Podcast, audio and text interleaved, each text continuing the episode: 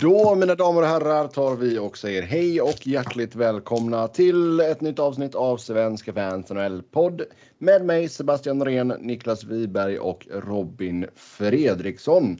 Första avsnittet eh, efter att säsongen startat. Vi ska ta och eh, ja, diskutera våra intryck från första veckan. Sen så har det skrivits en hel del kontrakt och lite andra nyhetspunkter som ska, vi ska gå igenom. Sen har vi eh, fortfarande en hel drös med lyssnarfrågor så vi ska försöka beta av några av dem också. Stort tack till er som har skrivit in. Och stort tack till alla er som lyssnade på jubileumspodden som nådde upp i nästan 11 timmar. 10 och vad blev det Niklas? 10, 51? 51 tror jag. Ja.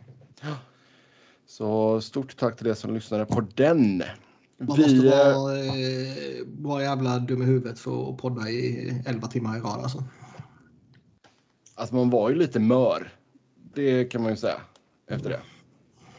Och då var det ändå så liksom en helt klart godkänd tid för mig. Um, så jag antar att ni två måste ha varit riktigt möra. Nej, det var inte så farligt. Fan var vi klara vid 3-4 någonting. Det är ju som att kolla på en match liksom. Mm. Så tidsmässigt så var, var det ju eh, inte för mig i alla fall några problem. Mm. Yes, vi eh, hoppar in här då på eh, våra Det blir jobbigare från... när vi firar ja. 15 år och kör 15 timmar. ja. Eh, det blir jobbigt sen när det går över 24. vi blir inte yngre heller. Nej, exakt. exakt. Det, det, är en sak som är jävligt säkert. Yes. Uh, första veckan här är igång. Som sagt, vissa lag har spelat en handfull matcher. Andra har inte hunnit med mer än ett par. Uh, men uh, vi ska ta och diskutera vad vi har sett och våra intryck här än så länge. Och tittar man lite snabbt på lag som är obesegrade just nu så eh, är det ju några som sticker ut. Buffalo har ju inlett med tre raka till exempel. Men de eh, flaggade ju vi för. Vi sa att de skulle bli farliga, absolut, absolut. Uh, Minnesota har tre raka. Detroit har inte förlorat uh, i regulation nu. Ja, lite varningen flagga för dem också vill jag minnas. Ja, så. Uh, nej, alltså det är ju början på säsongen. Det är ju vad det är, men alltså. Nej, men det är klart det är saker som står ut åt båda eh, ytterligheterna. Men mm. eh, jag menar om, om, om allt det här sker i eh, december så är det inte en människa som bryr sig. Nej, det är ingen som pekar ut att Buffalo har tagit tre raka i december. Liksom. Nej. Nej, men alltså det var väl första, och nu ska jag försöka komma ihåg, jag, jag kollade ju faktiskt på Buffalos senaste match. Um, ja, hur är ditt snitt hittills? det, vi är nog uppe på två faktiskt. Det blir lite jobbigt när det bara var en match på en dag. Uh, men, du ser den två uh, gånger. Exakt, exakt. Ser den back to back. Ja. Uh, ska man göra ja, det ska man göra det ordentligt. Ja, ska vi säga att det ligger på kanske 1,6 just nu kanske. Uh, men Buffalo, alltså, då, detta är typ första gången på över tio år sedan de har börjat med en säsong med tre raka segrar. Men hade de inte... Alltså, Inledde de inte typ med 11 vinster, 2 torsk för några år, något, något år sedan? Ja, men då kanske det var att de vann två och sen torskade ja, en. Sen, ja. Men just men de har haft de... kanonledningar förut. Ja, ja, ja. Det är klart de har haft. Men just att man har, man har inte inlett en säsong med tre raka segrar på väldigt, väldigt länge. Jag gissar att det här inte kommer att hålla i sig. Nej. Hashtag analys. Ja, jag tänkte säga det sticker ut haken här direkt. Men eh, en sak ska vi ha med oss också. Eh, det är att det blir sällan som man har tänkt sig. När vi tippar liksom tabellen. Då tippar man alltid otroligt likt säsongen som var. Ja. En placering upp eller ner beroende på vem som har haft bäst off season. Men så blir det ju sällan. Det kommer ju vara två, tre lag till slutspel som vi absolut inte hade räknat med och två, tre lag som missar som vi absolut trodde var in så att säga. Det kommer ju ske. Men vi får ju se vilken av de här som är på riktigt så att säga. Uh. Ja, vilket lag som helst kan uh, skramla ihop en liten segersvit. Så pass uh, jämn är ändå ligan och så pass, uh, så mm. pass många bra spelare finns det ändå. Ja, exakt. Men det är ju bara en tidsfråga innan Buffalo kraschar. Ja, de, Florida däremot. Nej, de, de kan nog vara bra på, på riktigt. De kan nog vara legit, absolut. Minnesota kan nog ha ett bra år. Liksom. Det kan väl hända. Mm. Eh, och eh, Edmonton spelar i en pissdivision och har världens bästa spelare. Det räcker långt. Mm. Mike Smith, ja. på ER idag. Nu kraschar den säsongen. Mm. Ja. Eh, I botten. Ja, alltså lag utan vinst än så länge. Där har vi Montreal som har eh, fyra raka torsk. Det är ju, den kunde man ju ändå se komma. Alltså de tappar Shea Webber. Uh, Bergevin var för övrigt ute och kommenterade att man kanske aldrig kommer att spela igen idag. Ja. Uh, de tappar honom, bara det är ett jätteavbräck och sen så bara får man en, en pungspark i form av uh, hela Care Price situationen. Jo, exakt.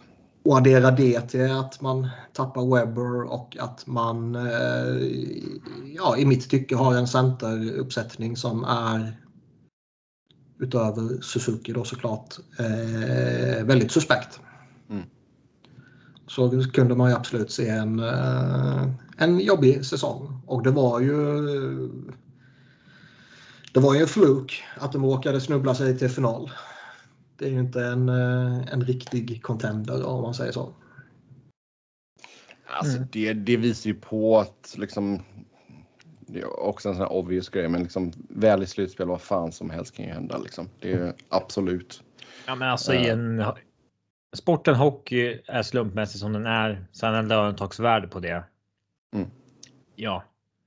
Absolut. Det laget som är bäst i ligan kommer ju inte vinna 10 raka mot det laget som är sämst i ligan. Nej.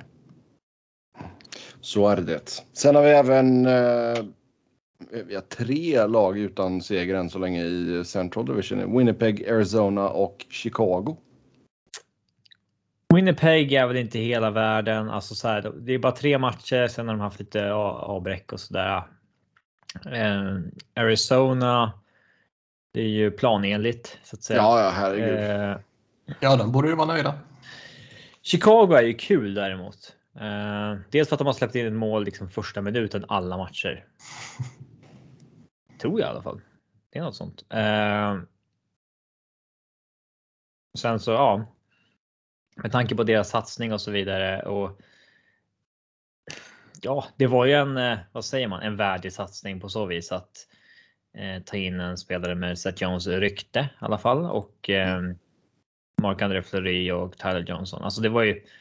Ska man försöka kickstarta en liksom push för kuppen så är det svårt att säga att Bowman kunde gjort så mycket mer. Om man nu håller sig Jones som den här elitbacken. Ja. Eh, men eh, det här innebär ju att eh, Jeremy Colling, Collington borde börja ligga ganska pyrt till. Eller? Oh ja. Eh, ja, det är nog lite för tidigt för att börja eh, alltså på allvar. Men eh, jag menar. Kickade de inte Will efter typ sex matcher? Jo, det stämmer nog fan i och för sig. Mm. Men det kändes som att det var en väldigt konstig situation. Det står här på EP att replaced Joel Will on November 6th. En månad in i säsongen. Men det var ju också så här de låg inte ens så illa till i tabellen då. Det var mer så här, mm. nej, men vi har bestämt oss för att starta en ny era bara med en ny coach liksom. Och, eh, så får det vara. Typ. Men alltså det är klart när, när man gör alla de förändringarna och allt det du gick igenom och eh, säsongsupptakten blir eh, skräp om det här håller i sig i ett par tre veckor till. Då, Eh, Eh, jag menar, det, det finns säkert. Eh, Bowman kommer ju, han sneglar ju på eh, Babsan, definitivt. Eh, Boudreau är ju tillgänglig, så jag menar det finns ju etablerade namn där ute. Alltså, frå... spekulerar ju lite såklart, men alltså frågan är ju verkligen vad, vad Colliton, det namnet man verkligen tänkte att ja, men det är den här killen som kommer och och guida skeppet när vi väl ska satsa igen också. Alltså, det känns nästan som man snubblade ju in lite i liksom Mark Arnold Flurry. Men jag, jag tror inte att Collington var någon rebuild coach. Utan man var ju fortfarande. Man satsade ju fortfarande för att vinna då. Ja, nej, den, eh, det delar jag. Den, eh, Sen var det ju lite sämre och sämre för varje år för att de gjorde ja. liksom ganska dåliga moves med. Ja, eh, Hjalmarsson mot Conor Murphy och så här. Det har varit lite sämre hela tiden. Mm. Men det här var ju fortfarande en tid där de liksom tog in Chris Kunitz för att få en. Till veteran att alltså för att vinna. Eh, på så vis. Mm. Eh, sen har de väl tänkt om lite senaste två, tre åren, men. Ja. Mm. Nej, den blir intressant att följa absolut. För det är väl en... Helvete vad skoj det vore om de kraschar. Alla satsningarna, Jonathan Toews är tillbaka och sen så all jävla skit runt den där organisationen. Och allt bara går åt helvete. Det vore fantastiskt skoj alltså. Mm. Ja, som sagt, Arizona, där går saker enligt plan och de är säkert jätteglada över att Buffalo vunnit tre raka också. Så Taves har ju noll poäng på fyra matcher. Men. Um, men det är väl inte jättekonstigt för det behövs lite tid innan han så är. Så att Jones har ju fruktansvärda siffror också hittills. Det är kul. Mm. Uh, däremot Kirby Duck. Uh, det, det jag har sett av honom så är han uh, otroligt uh, bra. Mm. Där kan han verkligen ha en, en gem så att säga. Ja. De har ju inlett jätteuselt. De har haft lite problem att göra lite mål och sådär och de sätter eh, Dylan Strome utanför laget. Det känns inte som en Jeremy Colliton grej. Inte för att man känner honom, men han känns inte som den här old school coachen som gör en sån grej liksom. Mm. Kan det ligga något annat bakom som? Ja, det bör ju nästan det faktiskt. Mm. För vad har de annars? Alltså de har ju Kirby Dark, Taves och Tyler Johnson som centrar. Sen Henrik Borgström. Men det är inte så att Strom, han har väl spelat lite wing också? Eller? Ja. Eh, det har ju framförallt Tyler Johnson gjort och Kirby Duck gjort. Alltså det. Men det känns som att vill man så kan man. Ja, det är inte så att han går för eh, Mike Hardman och eh, alltså Mackenzie and Twistle och det, alltså deras djupspelare liksom. Det, mm. det, det vore konstigt. Mm. Eh, sen är det ett lag i Pacific som inte har någon seger ännu. Det är Calgary. De har bara spelat två matcher i och för sig, men ändå. Ja, men det är ju inte. Eh, ja, det är för lite för att säga någonting om. Mm. Spelat som en var en torsk. Ja, exakt. Men eh, Seattle har ju hunnit spela fem matcher. Vunnit en. Vunnit en. Torskat tre och sen en övertidspoäng. Uh, det är väl Dave både... Hackstall är redan inkompetensförklarad på Twitter. Det är väl, det är väl ganska... Alltså det är ju ganska väntat och inte väntat så att säga. Utan dels de har de satt ihop ett jävligt dåligt lag på så vis är det väntat. Eh, men å andra sidan. Usel coach också. Spelar de en väldigt svag division och satsade ändå genom att ta in Filip Grobauer som en sista utpost för lite trygghet. Så därför är jag väl förvånad eh, på så vis. Men samtidigt. Ja, de har väl spelat en match inom divisionen. Jo, ja, men det är inte mördande motstånd i övrigt. Det är Vegas, Nashville, Columbus, Philly och New Jersey. Och ja, eh, Så det, det är fortfarande mm. bara fem matcher. Det går inte att säga så mycket, men eh, jag hoppas att det går dåligt för dem för att de var så jävla dumma med hur, att sättet de tog ut sitt lag. Mm. Tycker jag. Mm. Så nu efter att ha inlett säsongen med fem bortamatcher så har man första hemmamatchen natten till söndag hemma mot Vancouver. Fatta hur jävla nervös jag var inför Flyers Kraken då? Säsongens absolut viktigaste match. Den där jävla dåren kommer tillbaka och eh, det skulle smärta in i själen om Seattle skulle skaka fram någon 4-1 seger eller något sånt där.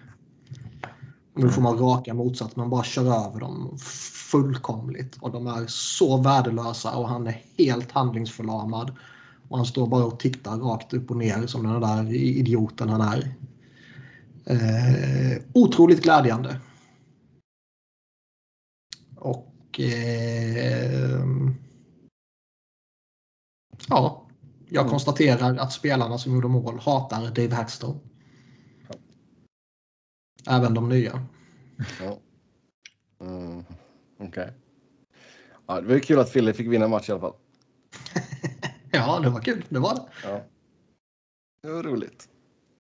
Yes. Uh, vad har vi mer sett för konstiga grejer?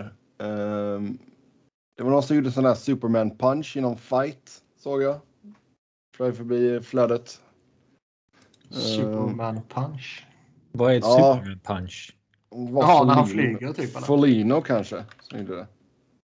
Folino Superman punch. Um...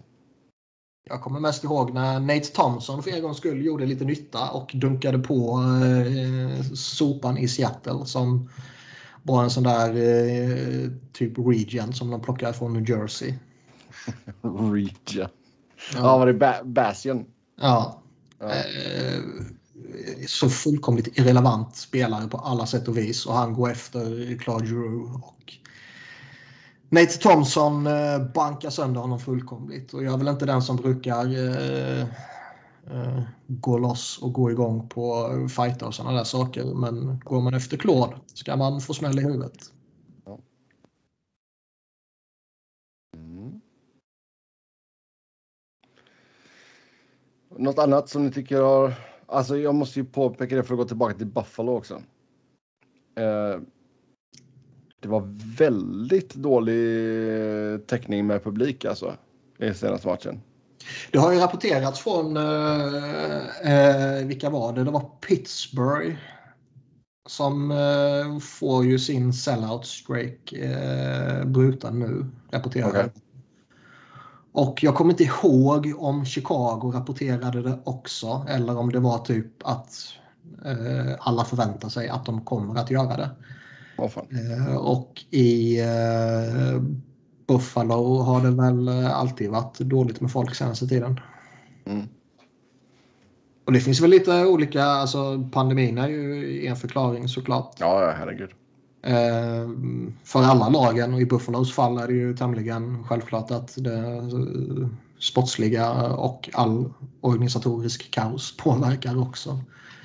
Eh, Chicago och Pittsburgh är väl Pittsburgh är väl kanske lite sådär, okej, okay, både Crosby och Malkin är borta. Då tror man väl inte på dem. Liksom. Det är väl fan ingen som gör det. Då kanske man chillar hemma istället. Chicago är väl lite förvånande med tanke på att de ändå har satsat en hel del och Jonathan Toews är tillbaka och bla bla bla. Ja.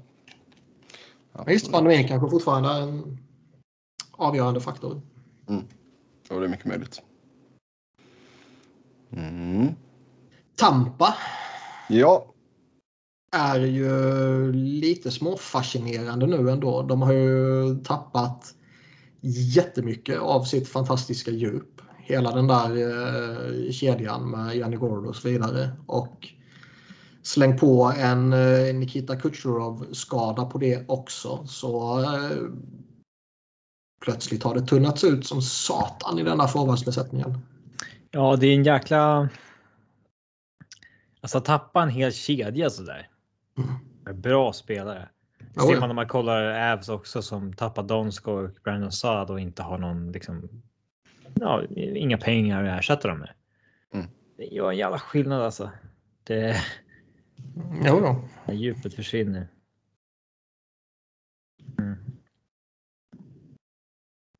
Det ska bli skoj att se Tampa lite där om, om det kan bli någon form av... Uh, nu kommer inte Kutjerov vara borta lika mycket som han var förra säsongen.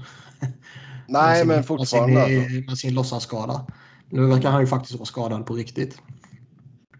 Eh, Sergachev sa ju att nej, han ska bara chilla inför OS.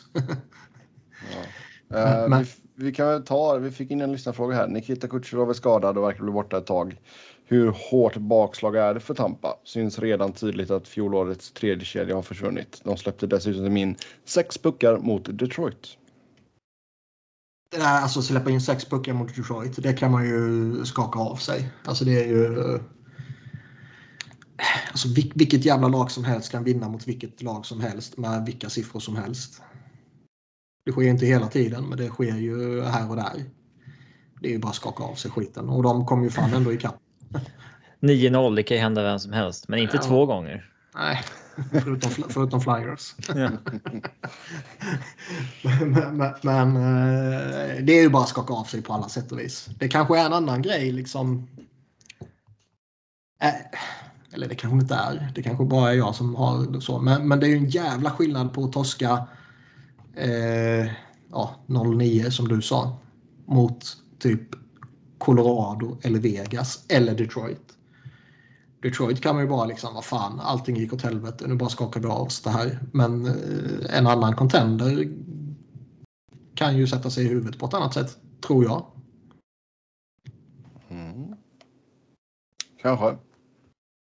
Men det är klart det kommer påverka dem. Som sagt, de tappar den där kedjan. De tappar eh, Kucherov som är deras bästa spelare. Och eh, Stamkos har ju visserligen sett eh, väldigt fräsch ut. Point är ju point. Och de har ju fortfarande bra spelare i eh, Killorn, Palat och allt vad det är. Men eh, Jo, men alltså just kollar vi, kollar vi på djupet så jag menar, senast då, då hade du Maroon, Colton, Joseph i tredje och Katchuk, Bellamare och Radish i fjärde. Kautschuk.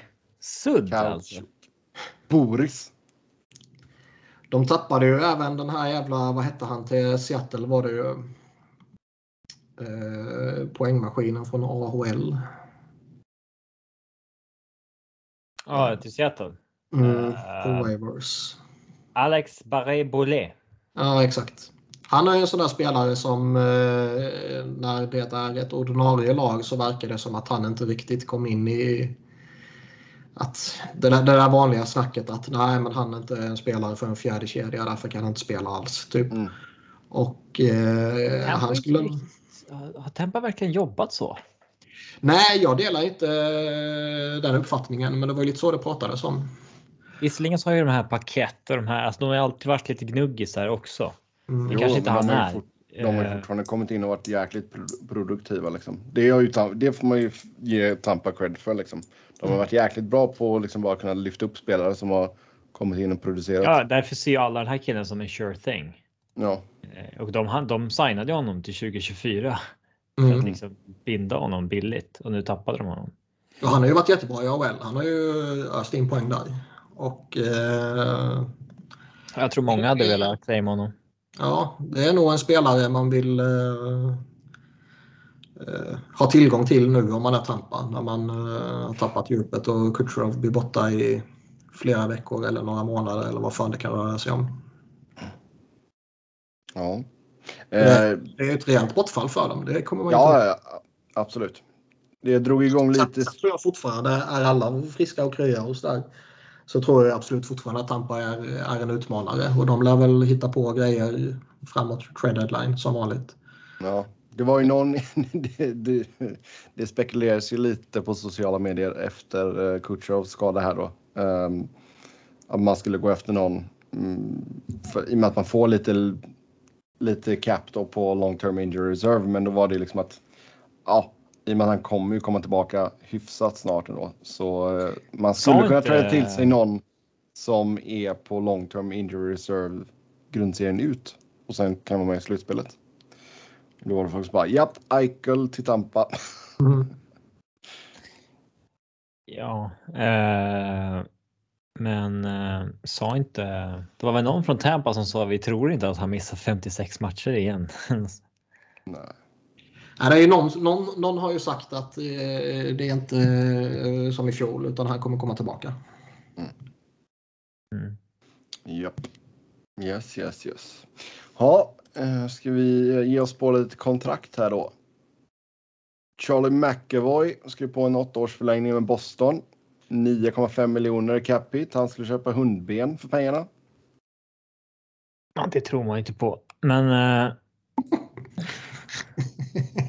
K- Köpa en jävla dinosauriefossil för de pengarna och ge till hunden typ. Här, gnaga på.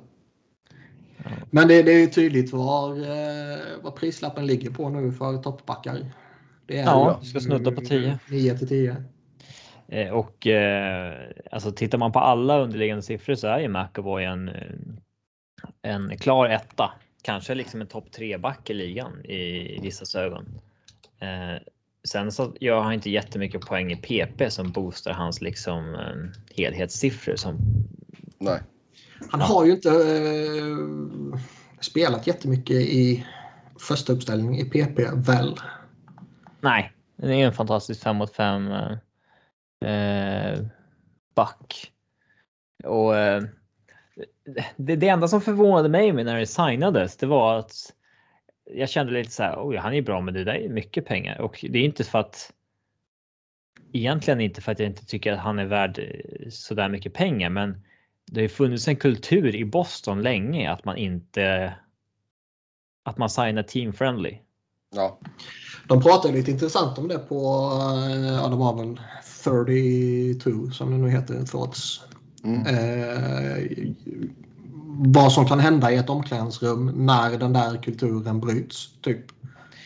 Var inte Chara, alltså vi. eh, Ja, alltså, har, har vi liksom underskattat effekten av att liksom, Chara försvann ju ändå. ehm, för inte så länge sedan. Mm. Kommer det liksom ge eh, avtryck förr eller senare? Det måste det ju på. På ett eller annat sätt. ja, det är Eh, klart. Mm. Alltså var, eller var det liksom Bergeron och Marchand som satte det här med att uh, signa sina kontrakt? Man ska komma ihåg när, när Marchand signade för 6,1 2017. Då hade han ju ba, bara haft en säsong som var point per game. Eh, eh, eller han eller om han signade det under pågående säsong när han var hur som helst. Han var ingen kille som gjorde över point per game, vilket han har varit konstant efter det, vilket är helt stört. Eh, efter 30 liksom. Ja.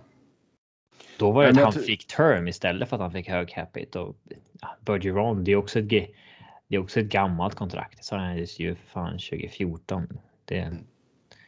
ja. Nej, men alltså, det är väl lite av en ny era och jag menar, de, de hade ju honom på ett ruggigt bra kontrakt eh, innan. Eh, capita på 4,9 miljoner. Ehm, ja, så det. Det är ju som du säger, alltså det sticker väl ut lite så här spontant i och med att han inte liksom pissar in poäng. Men det är ju som du säger, han är ju extremt bra 5 mot 5 back. Ehm, ja eh, och eh, ja, men jag vet att Miro Heiskanen signade också svindyrt. Um, Mm. Dyrt, högt så att säga. Högt, så, ja. det. välbetalt. Och en Men bra summa pengar. Ja. Men det är ju tydligt nu att det är ju där eh, man får lägga sig. Och, Mm. Sen Vissa, Ryan- vissa ja. Elfsfans var ju direkt så här. Ja, vi fick McCar för 9 och de fick 9,5 på McAvoy. Haha. Men det är skillnad på att Ävs köpte 1 eller 0 UFA-år på Mm. McCar. Eh, det gör ju Boston här kan man säga. Eh, Ja, alltså. Majoriteten av dem är UFA-år. Ja, det är ju typ fyra eller någonting när man. Eller fem. Ja, minst tror jag. Ja. Eh, sen huruvida man vill ha köpa UFA på backar kan man också fråga Ja. sig. För det är ofta Nej, men alltså vadå, jag känner så här, alltså. Det här bör ju inte vara några problem. Jag menar, han kommer. Vad kommer han vara 32 när detta går ut liksom? Ja, visst, det finns ju en risk med alla jävla kontrakt. Titta Jo, på. visst. eh, ja, men titta på. Ja, Oliver Ekman Larsson nu när han är 30-ish. så här, Det, det är inte samma spelare som när han var 25. Så att säga. Det kan ju hända, även fast, även fast man är elit när man är 25. Mm. Eh, och, och Subban och ett gäng andra. Erik Karlsson. Det är, det är Erik inget- Karlsson är ju fortfarande en av de absolut bästa. Säger han ju själv. Ja, jag vet inte vad han sa. Jag vet att folk snackade om att han sa det. Jag har inte sett att han sa det, men ja. Mm. Alltså han får. typ säga. Nej, men alltså jag. Det är ju bara att hoppas att han. Det är ju. Det är ju bra för ligan i helhet om en spelare som Erik Karlsson är bra. Um, för han är ju jävligt kul att titta på när han är i sitt SL liksom. Ja. Uh, Men så här, Ligan, ligan kan ändå inte fem år marknadsföra sedan så sig trodde själva. ju inte... Trodde, det var ingen som trodde att ja, Subban, Oliver Ekman Larsson och eh, Erik Karlsson kommer alla ramlat av en klippa. Liksom det, det, det trodde ju ingen. Alla tre. Nej, verkligen inte. nej. Ja. Intressant eh, för övrigt att Mm. eh, kring Boston att eh, Ullmark ska ju tydligen ha inte övertygat under kampen. Han är ju inget speciellt. Nej, men alltså de har ändå signat upp honom fyra år gånger fem miljoner och eh, Swayman eh, som jag förstår det eh, outperformade honom på kampen och eh, fick ju spela första matchen och jag för mig han spelar mot Flyers i natt också. Jag för mig jag läste det. Det är ändå lite eh, anmärkningsvärt just kring eh, Ullmarks kontrakt och så här. Ja, för det brukar ju vara så att även om en kille inte är bra på campen så har du signat honom så kommer det ju vara han som du satsar på. Mm. Eh, Du kommer ju försöka jobba in den, eller vad man ska säga. Mm, ja, exakt. Och sen har man fortfarande Tuka Rask som uh, smyger lite i skuggorna. Ja, det är Swayman som står i natt. Mot Martin Jones, the Mm. goalie duel. Mm. Mm. Ja. Inga kommentarer. Nej. Eh, sen då Ryan Pullock, Islanders 8 år, 6,15 miljoner landade hans cap hit på. Ja, Uncle Lou har ju, han har ju börjat lyckas sätta en, eh, en kultur ändå av att folk signar, inte billigt, men liksom att man ser till att lösa det för att hålla sina polare i kåren Ja, men hålla grupp, laget. gruppen intakt. Och det tror Ja. jag de behöver göra. Ska de kunna spela på det där sättet så behöver de ha en grupp som... Barzal gjorde ju det liksom förra Ja. året att han Ja. Han köpte vad som fanns kvar att ta. Eh, så fick Islanders kompensera med termen han ville ha, typ. Eh, han hade ju kunnat säga, nej men jag ska ha 9 gånger 8 och take it or leave it liksom. Men ja, han, han gick med på det. Eh, och det, det känns ju som att Adam Pellick och Ryan Pulock eh, gör lite samma sak här. Ja, alltså Får, man får Pell... nästan eh, båda de två i, i, i första paret där nu för eh, lite, lite, lite dyrare än vad, eh, Erik Karlsson. ja, vad, vad de dyraste backarna kostar. Ja. Mm. Jo, det är helt sant. Han går ju upp från 5 miljoner som han tjänar denna säsong då till 6,15 med start nästa. Sen fick vi äntligen siffror på vad Parisi fick till exempel. Så, Minimum. ja, exakt. Så så Parisi sjukt. och Chara tjänar 750 000 var. Det är ju bara en power move att hålla det hemligt. Ja. Men det är så jävla sjukt. Alltså har... Eh, alltså man, man kan ju inte ha anmält det till ligan och, och liksom hållit det hemligt. Nej, allt som anmäls dit har ju alltid hela tiden kommit ut. Ja, Du vilket vet, innebär det, att Lou har ju sin avlyssningssäkra telefon till exempel. ja, som inte är inkopplad. Nej, de bytte sladd. eh, Bytte färg på sladd. Ja. Ja. Ehm, Men alltså registrerar man Parises kontrakt för en månad sedan eller vad fan det var, då, då måste ju det läcka ut liksom. Och det känns ju jävligt konstigt att bara sitta och hålla på registreringen. Vara överens med Paris och sen, nej men du vet vi kommer inte regga det här på en månad på grund av jag ska vara, jag ska visa min power move liksom. Mm. Jävla konstig gubbe alltså. ja, men lite roligt på ett sätt också. Um, Ja, men konstigt. Varlamov är ju på injury reserve så bakom Sorokin så har man ju Corey Schneider. Eh, även han på 750 000. Mm. Han har fan hunnit gå och bli 35 år.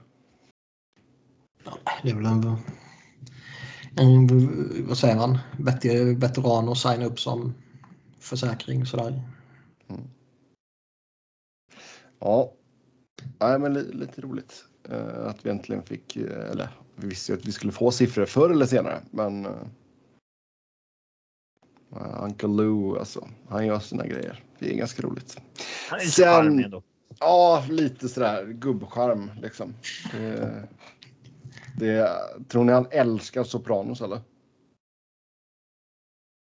Eh, Sopranos är väl baserat på honom. ja, yes. Sen uh, Brady Kachuk fick till, uh, eller åtta fick till en förlängning med honom. Uh, sju år, 8,2 miljoner. Ja, det var han som vek sig enligt rapporter. Han ville ju ha en kort kontrakt för att dra därifrån som alla andra. Mm. Uh, men vek sig. Och, ja, det är ju ingen 8 miljoner spelare idag såklart. Men. Eh, ja, Ottawa behöver ju också visa att de är redo att betala för att behålla spelare nu. Det har ju ja, varit ett evigt problem. Och om eh, spelarna man betalar för att behålla är Chabot och Fetchak så borde det inte eh, slå fel tycker man. Nej. Nej, nej, nej. Sen gav de ju master term till uh, Drake uh, Batterson, men den pengen var ju under 5 mille. Så. Mm. så visst. Jag tycker jag, jag fan, alltså det. Jag tycker ändå Ottawa snackas upp på lite sådana där eh, enstaka håll. Att eh, oh, de här kan bli spännande. Inte så att de är en contender, men liksom att nu, nu ska Ottawa växla upp och, och jag fattar inte. Det är så det mycket kanske... kvar som måste på plats.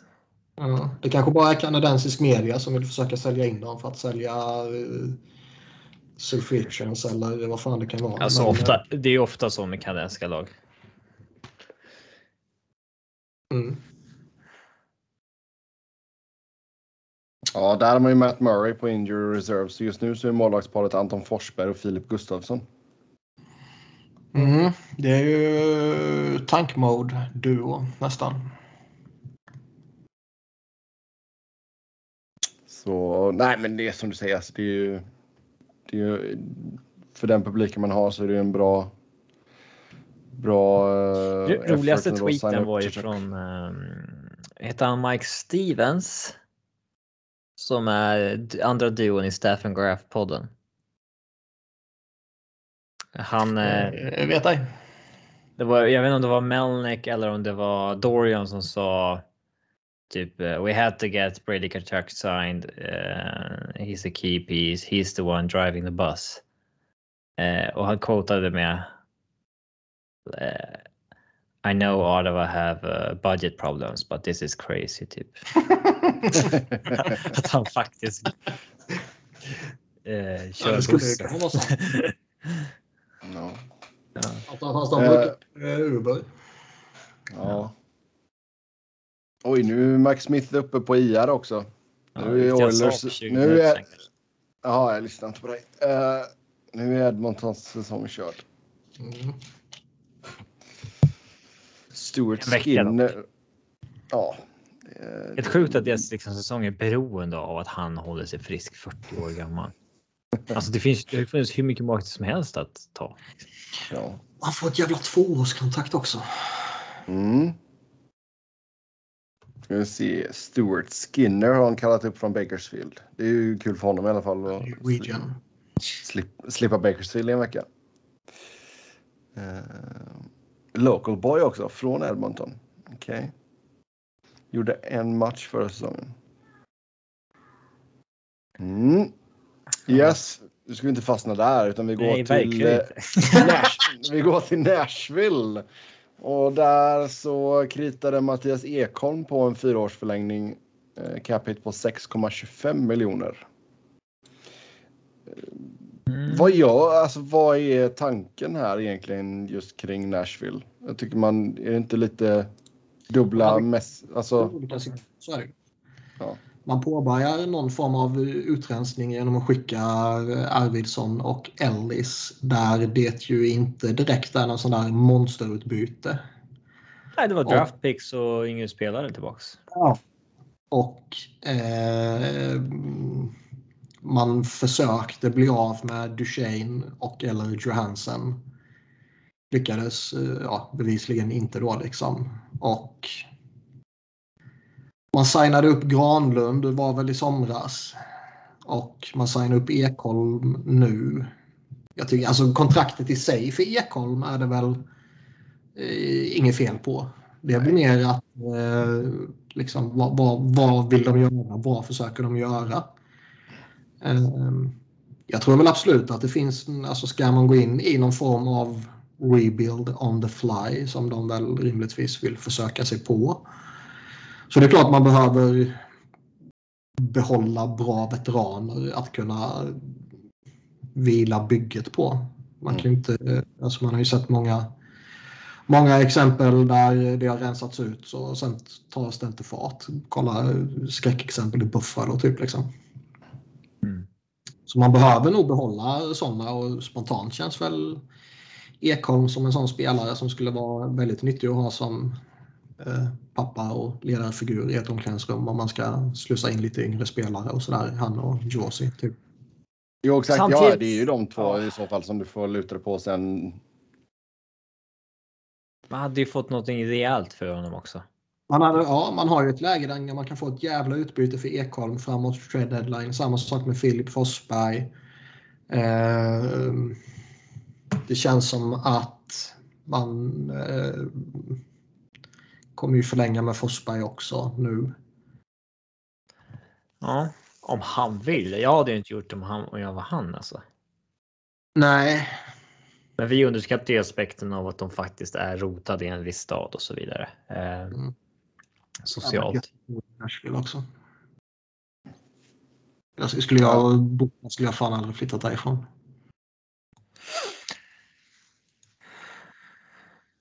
Men de är ju i ett sånt här konstigt läge och, och gubbarna de har kvar är 30-årsåldern plus minus något år på, på sina håll. Och eh, alltså de, de, de, borde ju vara i ett läge där man då kramar ur det absolut sista man kan. Mm. Och så gör man typ någon halvmesyr och någon mellanting. Ja, alltså jag vet inte, alltså Arvidsson kan jag väl ändå förstå på något sätt med tanke på skadehistoriken och sådär. Uh, ja, det kanske kan vara rimligt och man kan behöva det väl kanske. Man kan göra en sån trade. Alltså, ja, man, exakt. Där man byter en spel, alltså mot lite pieces tillbaka så att man själv kan byta lite draftval mot något och förstärka. Alltså mm. bara bygga om lite sådär. Men det ja. kändes ju som att man hade tryckt på en större knapp. Också. Ja. Eh, det kändes som att de var på väg att göra en större. Och nu backar de lite på det och man undrar lite varför. Och... För nu finns det ju ingen riktig återvändo. Nej, men alltså jag vet inte. Men borde kommer de inte vara alltså... bra kommande åren, tror inte jag. Nej. Men borde de ha betalat för att bli av med Duchene eller Johansson? Beror såklart på vad priset var. Alltså. Eh, det, jag kan inte tänka mig någon organisation som är villig att ta emot de där långa kontrakten om det inte görs om flera första rundsval alltså. Nej, man skulle nog behövt. Det är väl Seattle som skulle kunna ha utrymme för att ta på sig det och. Eh...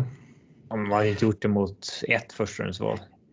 Nej, alltså där är det ju rimligt att uh, de här rapporterade höga priserna som Seattle hade satt. Uh, att man inte vek på dem där. För mm ta på sig något av de två kontrakten utan att få någon riktig jävla supertalang eller ett par bra pix eller något sånt där. Det vill man inte göra.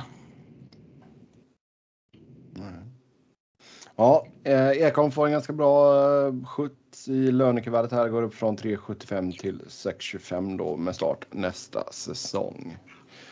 Och det, det är han väl välförtjänt av. Han har ju varit tämligen underbetald tidigare får man ju säga. Ja. Sen Montreal, Nick Suzuki, 8 år, 7,8 miljoner.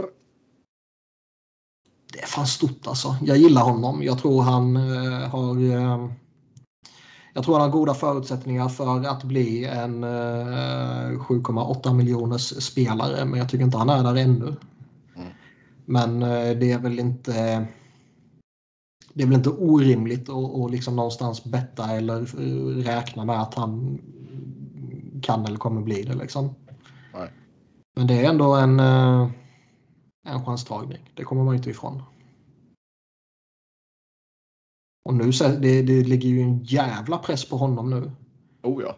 Med tanke på att, eh, som vi sa tidigare, att centeruppsättningen numera utöver honom är ju inte bra. Christian Dvorak är ju långt ifrån någon eh, sån här självklar garanterad succé i största allmänhet och eh, som center dessutom. Så det, mycket ligger på hans axlar nu. Och, ja. eh, som vi sa tidigare, plocka bort eh, Webber och Price så förändras ju förutsättningarna och eh, skulle det inte gå bra för Suzuki själv eller Montreal i, eh, som helhet så eh, är det väl liksom tufft att hänga Suzuki så att säga.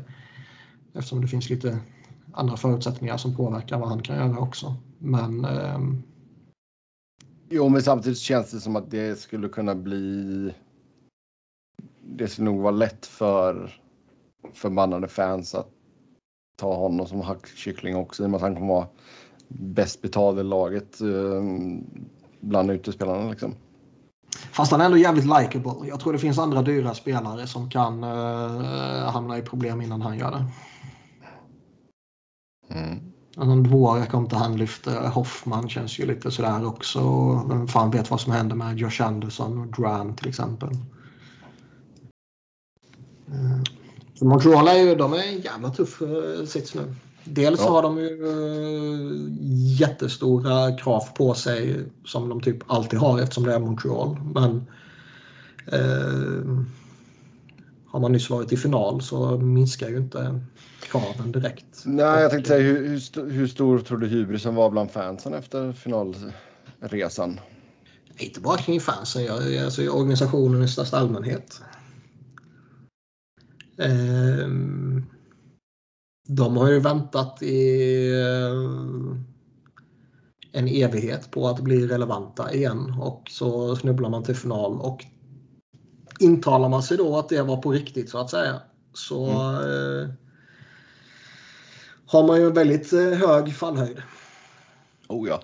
Och eh, Bergevin är väl kontraktslös efter säsongen. Ja, det är han. Och han sa... Det pratats en del om det och eh, det verkar väl inte vara eh, något på gång om jag fattar saken rätt. Nej, han sa väl i en perfekt värld så är han kvar efter den här säsongen. Mm. Och det kan säkert bero på både eh, vad han själv kommer få för kontraktserbjudande och vad som händer med laget och sådär. Men det, det, är också en... Som sagt, de är en jobbig sits. Carey Price kommer väl förhoppningsvis tillbaka eh, inom inte alltför avlägsen framtid. Men stämmer det här att eh, Shea Webber är borta forever så då är väl det något som man rimligtvis behöver ersätta. Och man kanske behöver spetsa till centeruppsättningen också. Och vill man låta en GM på ett utgående kontrakt göra det? Det är ju inte helt självklart. Nej. Det har du helt rätt i. Ska, ska man låta Bergevin som kanske försvinner till sommaren göra en stor trade för att gå efter Jack Eichel till exempel?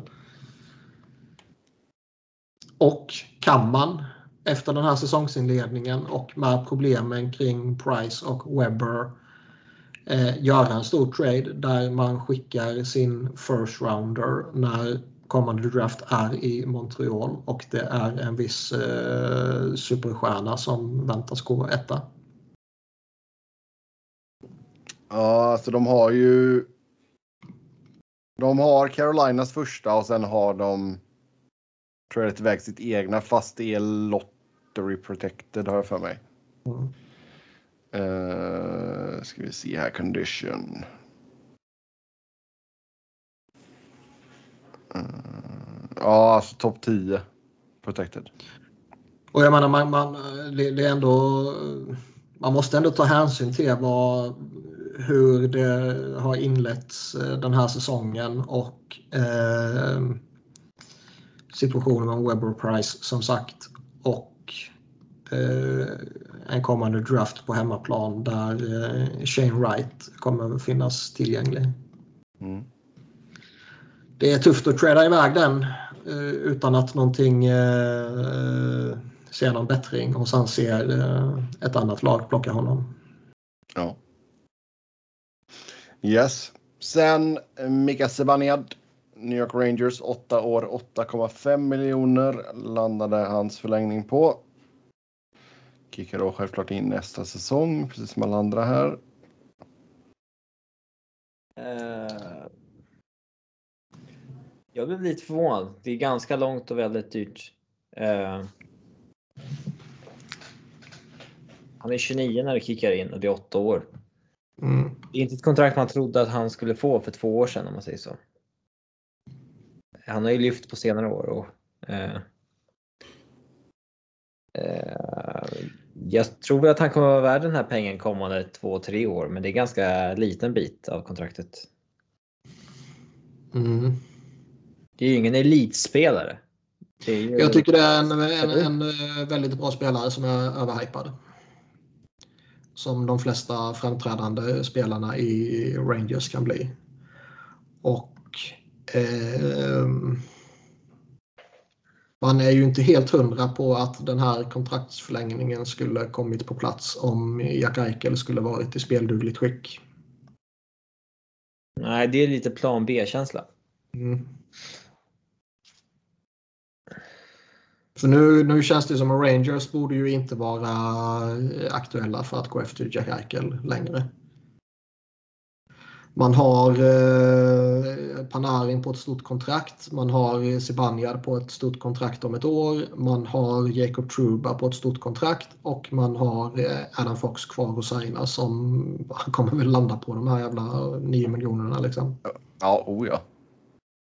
Och man har väl en Alexis Lafreniere som eh, det är väl inte orimligt och eh, misstänka att han skulle kunna bli väldigt dyr så småningom ja, han ska börja leverera först. Men, ja. Jo, jo. Men eh, jag menar, det är ändå en jättetalang som har varit hypad i en halv evighet. Mm. Um, det känns som att det, det, det, blir tufft att beta in 10 miljoner Jack Eichel där utan att skaka bort en stor lönepost och det eh, löser man väl inte. Man signar ju inte Zibanejad för att trada honom mot Eichel. Nej. Det skulle väl vara om du skickar Kreider då kanske? Jo, men gör man det? Han har no movement-klausul också. Ja, den börjar inte förrän 2024. Ja, då har han något annat nu då. Men oavsett vilket så varenda jävla... Eh, Eller? Nej, han har no movement nu. Ja, okej. Okay, ja, det är 2024. Ja, okay. Oavsett vilket, om man bara har någon trade-klausul så Buffalo står ju på varenda jävla klausul. ja. Mm. Sen eh, Alexander Barkov, Florida, åtta års förlängning. Ser ni tema här eller? Många långa kontrakt. Eh, där landar vi på 10 miljoner blankt. Eh, det här är ju eh, bra för eh, Florida kan man lugnt säga. Eh, dels att han går med på att signa eh, åtta år där. Det är ju liksom en win för Florida.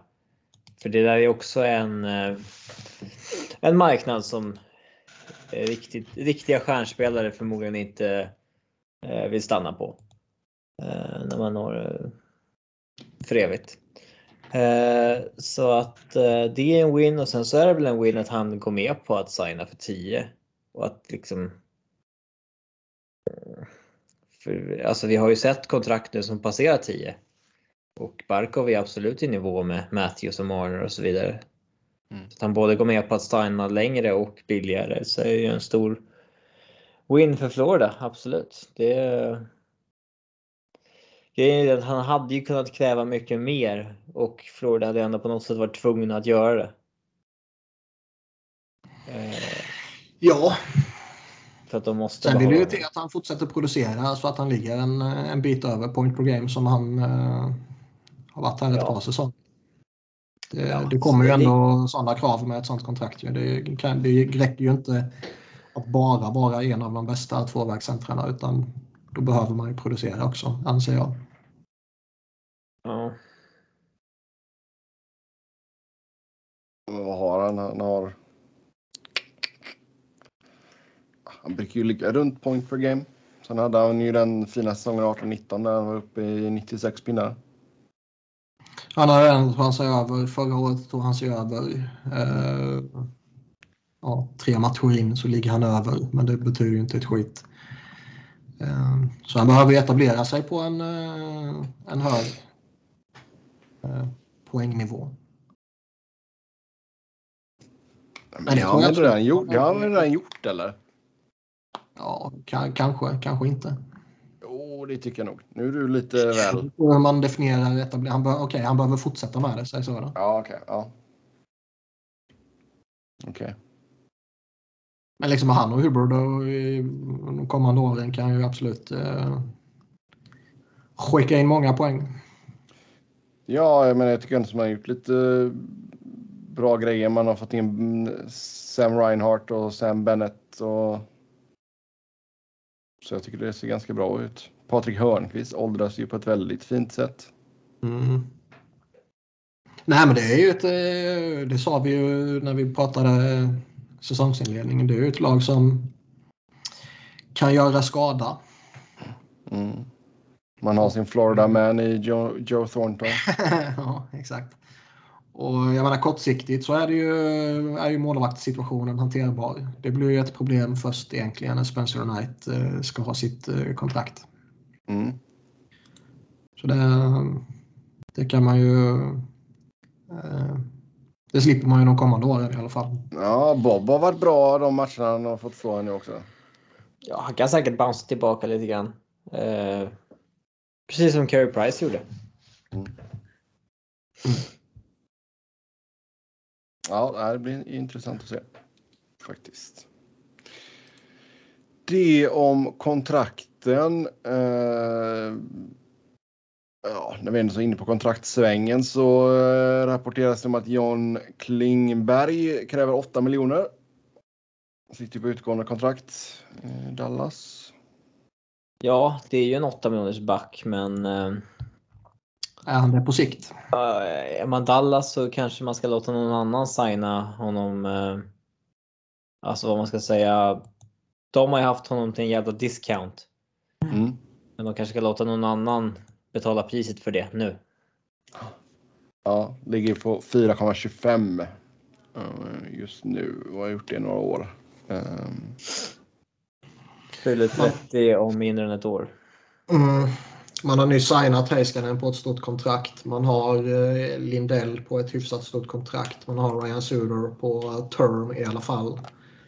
Eh, jag tycker nog inte det är självklart att man signar Klingberg på ett långt och alltså ett liknande kontrakt som Heiskanen har. Det är, eh, Nej, kan vara läge att, att släppa honom. Sen är det ju tungt att, att släppa en sån spelare utan att få något tillbaka om man låter honom gå som UFA. Eh, Men jag menar, de- kommer inte trada honom, tror jag inte, om de är med i, i, i racet. Det är om man i så fall gör en hockey-trade på något sätt. Jo, men ja, jo, exakt. Jag menar, det kan de inte göra om nå. Alltså så länge de är med i racet så tror jag inte att de kommer släppa någon. Skulle det vara så att de blir Man kan, ju avhängda. alltid, man kan alltid släppa Klingberg och så får man någon som är signad tillbaka. Ja. Nej, men jag tror alltså blir Stars avhängda så har ju de ändå så. Alltså, Ja. Blir de avhängda så har de ju fan mycket att handla. Alltså. Eller inte handla, sälja.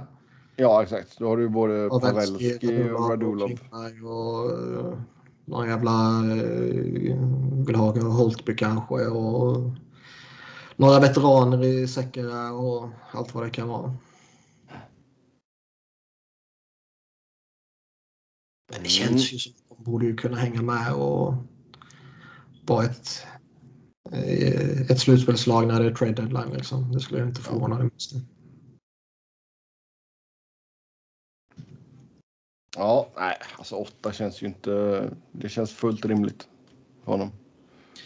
Det känns fullt rimligt för honom. Det känns fullt rimligt för Dallas att eh, inte signa den. Mm. Nej, man kan Ja. absolut förstå om, man, om de liksom ser eh, mer eh, potentiella risker mer på sikt. Alltså. Samtidigt kom de, alltså, de kommer väl signa honom. De har ändå ett läge där de har uh, Seguin och Jamie Benn och Klingberg och eh, kanske ytterligare någon jag glömmer. Som Vart är- går smärtgränsen då med åren? Det blir väl eh, 68 år på 8 miljoner. Mm. Och eh, man kan få ner till 5-6 år. mm, det är väl, eh, de är väl i ett läge som, som jag var på väg att säga där när de har sin, sin core där kring 30-årsstrecket att man skulle inte bli förvånad om Jim Neal som ändå har varit där en tid nu eh, liksom skiter i det långsiktiga och går för det de kommande åren. Och då kan man ju signa Klingberg och inte bry sig om år 6, 7, 8 typ. Liksom. Nej, men alltså, och jag menar, ger man en 36-årig Ryan ett fyraårskontrakt så kan man nog punga upp 68 år för Klingberg ja, man tycker det. faktiskt. Så, Så funkar ja. det inte. Nej, men alltså jag, jag tänker rent krasst så. Har signat Suter så har man färre löneutrymme kvar, inte tvärtom. Ja, ja, ja. det, det är jag mycket väl medveten om. Du kommer, du kommer få loss en hel del i Pavelski och Radulov för de två tror jag inte kommer att komma tillbaka. Nej, men sen samtidigt måste det ersättas på något sätt. Jag tror inte de Ja. kan ersätta allt internt direkt. Vad har de i systemet? Eh, De har eh, Luke Glendenning och Mikael Raffel typ. Mm. Ja, eh, sen eh, Vitali Kravtsov tog inte plats i New Rangers och söker nu en trade. Jag tycker ändå det är lite sådär man tittar på vissa av de stollarna de har i, i, längst ner i hierarkin Rangers så tycker man fan att det borde kunna finnas plats för att testa honom. Men eh, jag har ju inte följt deras kamp på, på något sätt direkt och eh, jag tror man färgas rätt mycket av att han eh, Är ryss. Eh, nej, jag menar liksom att eh, ens ans att anseendet man har färgas mycket av att han var så jävla hypad på, på många ställen när han draftades. Ja. Många som målar upp honom som en eh, personlig favorit och det var snack om honom och han gick ju hyfsat tidigt ändå. Eh, det var väl, om jag minns rätt, så var det hype kring honom i KHL också. Att han var eh, en sån här, en av de här som eh, producerade allra, allra bäst genom tiderna som ung spelare. Inte helt hundra på det, men jag har för mig det var så. Det kan man ju titta om man vill. Det pallar inte jag själv. Jag tänkte säga, alltså han har inte stuckit ut rent poängmässigt i KHL. Nej, men han är fortfarande bara 21. Jo, jo. Gjorde han det för tre år sedan, eller vad fan det blir. Så. ja, jo, det är precis sant. Eh, det är ju en, eh, en snubbe som jag eh, definitivt skulle vara intresserad av att eh, kunna trada till mig och testa om jag har eh, behovet eller utrymmet eller vad man ska säga. Ja. Sen vet jag inte riktigt om, om jag har inte sett om det har kommit ut några sådär vad, vad Rangers vill ha för honom. Men eh, det skulle väl inte förvåna om prislappen är eh, rätt eh, hög. ja, Känns det inte som man ofta. Alltså. Det sätts en hög prislapp på såna här spelare för att potentialen är hög, men det blir aldrig så sen för att det finns inga som är villiga att betala det för en spelare som inte gjort någonting. Mm. Nej. Nej, men lite så är det ju faktiskt. Det var väl inte riktigt så att han rosade marknaden förra året. Så han gjorde fyra poäng på 20 matcher. Mm, så japp. Ja. Sen. Mm, ursäkta mig. Spekulation om Claude Giroux framtid och eh, tydligen så ska vara åtta va, vara intresserade. Alltså, ja. Han kommer ju från, eh, från eh, någon jävla by utanför Ottawa så det är ju den kopplingen man gör. Och det, det är väl det som kanske gör att eh, vet, han flyttar hem. Det är väl det som skulle kunna locka. Han Men kör finns David, David Krejci. Eh, ja. Men- Men det finns ju inga som helst... Alltså, Jag trodde han var från. Torontoområdet. Nej, inte det alltså. nej, nej, nej. First Ontario. Huh. Ja, nu ska vi googla vart det ligger. Hurst är ju Claude Giroux och Pierre LeBrun som kommer därifrån. Typ. Det är en bra bit till Ottawa kan man säga. Ja, men med nordamerikanska mått mätt så är det ju ett stenkast bort. Ja, det var lika långt till Toronto som till Ottawa. Men visst, Ottawa kanske var hans lag. Mm, ja, jag vet inte. Men det är den regionen i alla fall. Liksom. Det, och det har ju sagts om det. Jag tror det var någon, någon Flyers journalist som slängde ur sig att ja, nu när han, eh, hans kontrakt går ut efter säsongen och de har sagt att båda parterna tycker att de ska avvakta till efter säsongen så ja, han kanske vill flytta hem. Ottawa borde väl vara intresserade av honom, typ. Han kan ju inte direkt pendla därifrån till Ottawa 11. Han kanske har privatflyg, jag vet inte. Det låter inte miljövänligt det. Nej, men det skiter både han och jag i. Ska vi se. Eh, Det var en riktig liten skitstad det här alltså. Det är tio timmar med bil för fan. Ja. Är väl i chill. Vad är det med helikopter? Ja, det, det, det vet jag faktiskt inte. Ja, han kan ta... Tillbaka. Ja. Eh, ja. Men alltså hur ser du på alltså han blir 34 här nu under säsongens gång? Det tar 49 timmar att cykla. Ja.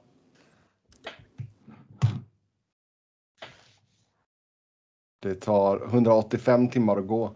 Jag tänkte säga det. Men är det liksom eh, ge Claude vad han vill ha, vad som helst. Han ska alltid. Han ska avsluta som flyer eller får man ändå sätta ner en fot någonstans kring vad man ger? Jag vill ju givetvis att han ska eh, sluta som en flyer och vinna cupen med flyers. Ehm, Ja, var realist. eh, nej, det kommer jag inte vara. Det vet du. Det, har du inte lärt dig det efter de här tio jävla åren så ko- kommer du aldrig lära dig det. Men, men eh, jag för mig vi pratade om det senast eller om det var någon annan podd. Liksom att det här att efter den här säsongen så tror jag ju verkligen att Claude Giroux kan vara allt ifrån liksom en 7 miljoner spelare till en 4 miljoner spelare. Han har sett väldigt bra ut under, under upptakten här och eh, ser eh, första kedjan ser lovande ut så jag tror absolut han kan, kan göra eh, gott om poäng i år. Och eh, Alltså hans bounce back 2017 2019 där. Den har ju avtagit lite igen ja, så är det ju. med, med ålderns naturliga kurva så att säga. Ja. Det, Sen, är sen är det, får, får man se lite här. Jag tror absolut han kan göra...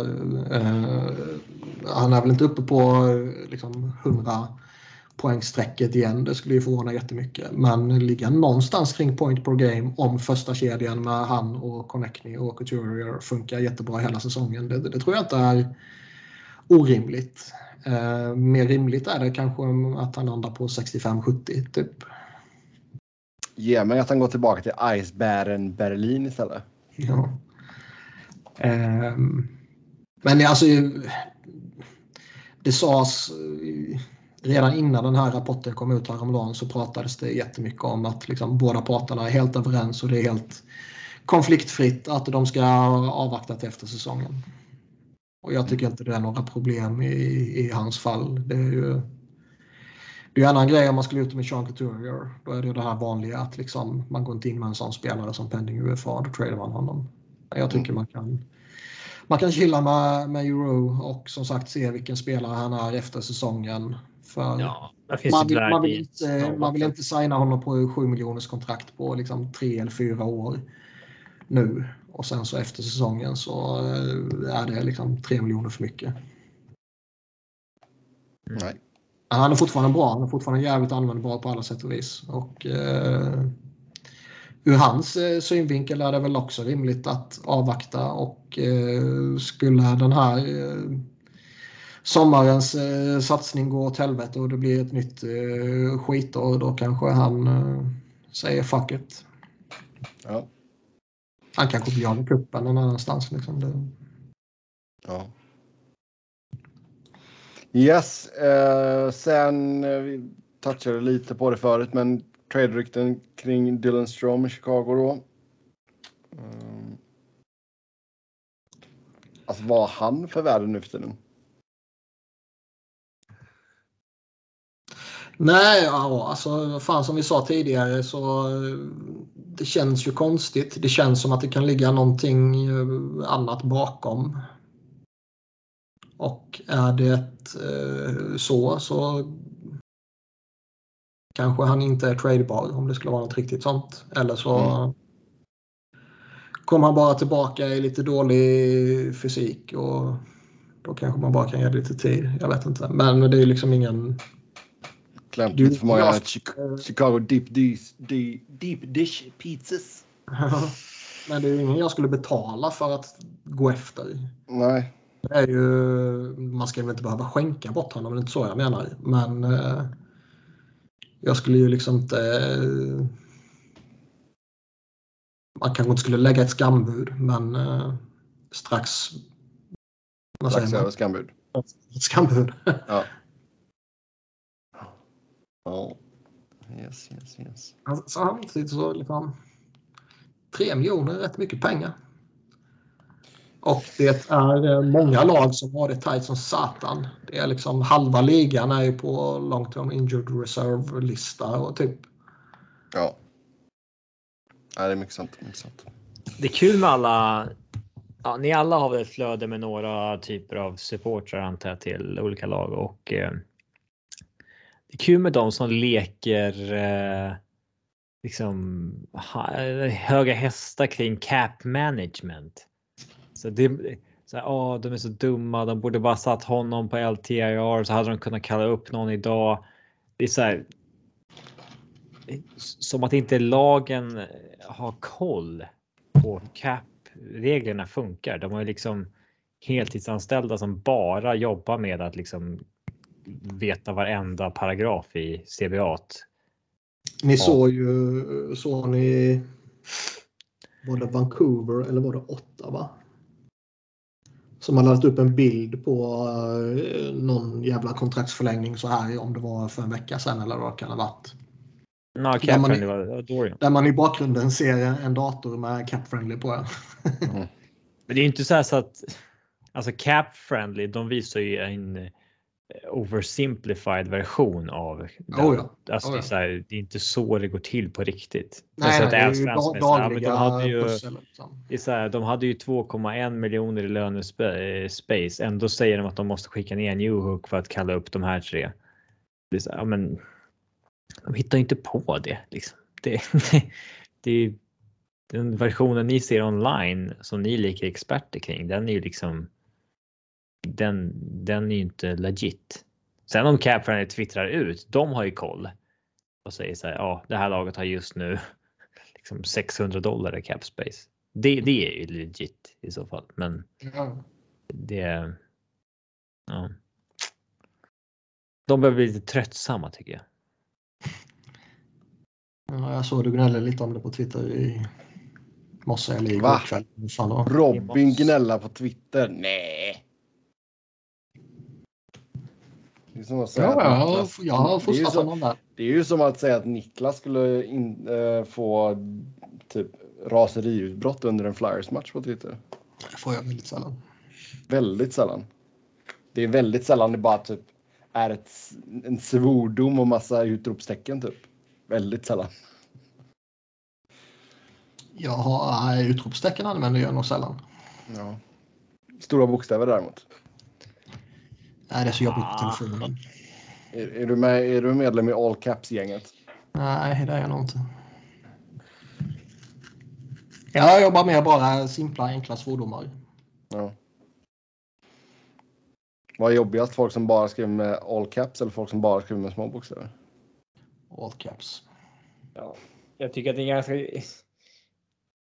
töntig nisch att skaffa sig det här med att bara skriva med små bokstäver. Men om någon bara skrev med stora bokstäver, det hade ju varit skitjobbigt. Ja. Prova det en vecka, bara köra all caps. Skylla på att tangentbordet har hängt sig. Uh, yes. Sen Evander Kane stängs av 21 matcher. Ehm, Vad är det han har gjort egentligen? För det sägs ju, det sades ju att han hade fejkat ett vaccinkort. mm. Men sen, nu säger de ju bara violated covid protocol. Är det Ja, det, men han har det, gjort? det går väl under det? Ja, det går under den eh, tror jag, antar jag. Okej, men det är ju punishable med upp till fem år i fängelse. Ja, men det finns inget NHL-fängelse. Ja, får, ja. Tänk, det skulle finnas ett fängelse på eh, NHL-kontoret i New York. Det är en liten, det är en liten bur på Bettmans kontor.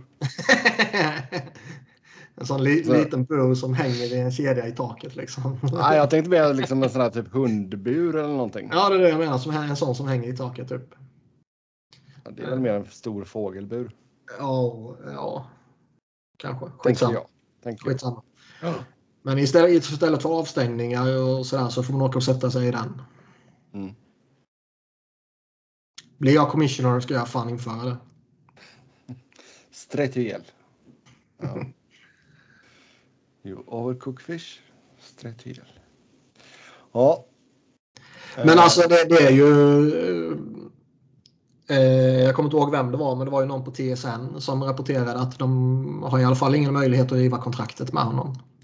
Nej, dels inte det och sen verkar det inte som att han har haft någon kontakt med någon i laget heller. Liksom. Det var någon som frågade Logan Couture liksom, bara, har du snackat någonting med honom? Nej. Nej, men det har ju kommit massa rapporter och jag kommer inte ihåg om det har hintats om det eller om det har sagts rakt ut från spelare att liksom jag vill inte ha med honom att göra. Det där gamla kortet på honom och Bufflin har ju dykt upp ti- titt som tätt. Ja. Nej, han verkar vara en genuin jävla skitröv rätt igenom. Eh, Ja, men hur många grejer är inte nu? nej. Det, det är ju... Ja. Sen är det, alltså, det blir intressant att följa efterspelet här nu vad, vad fan som händer med honom. För det är ju ändå en spelare som har misskött sig på, på flera olika sätt och här då bryter man mot det här covid-protokollet som har eh, ligan har varit väldigt eh, tydliga med att man liksom måste respektera det här är sjukt viktiga grejer och så vidare och så vidare. Eh, samtidigt kan man inte riva kontraktet med honom om man liksom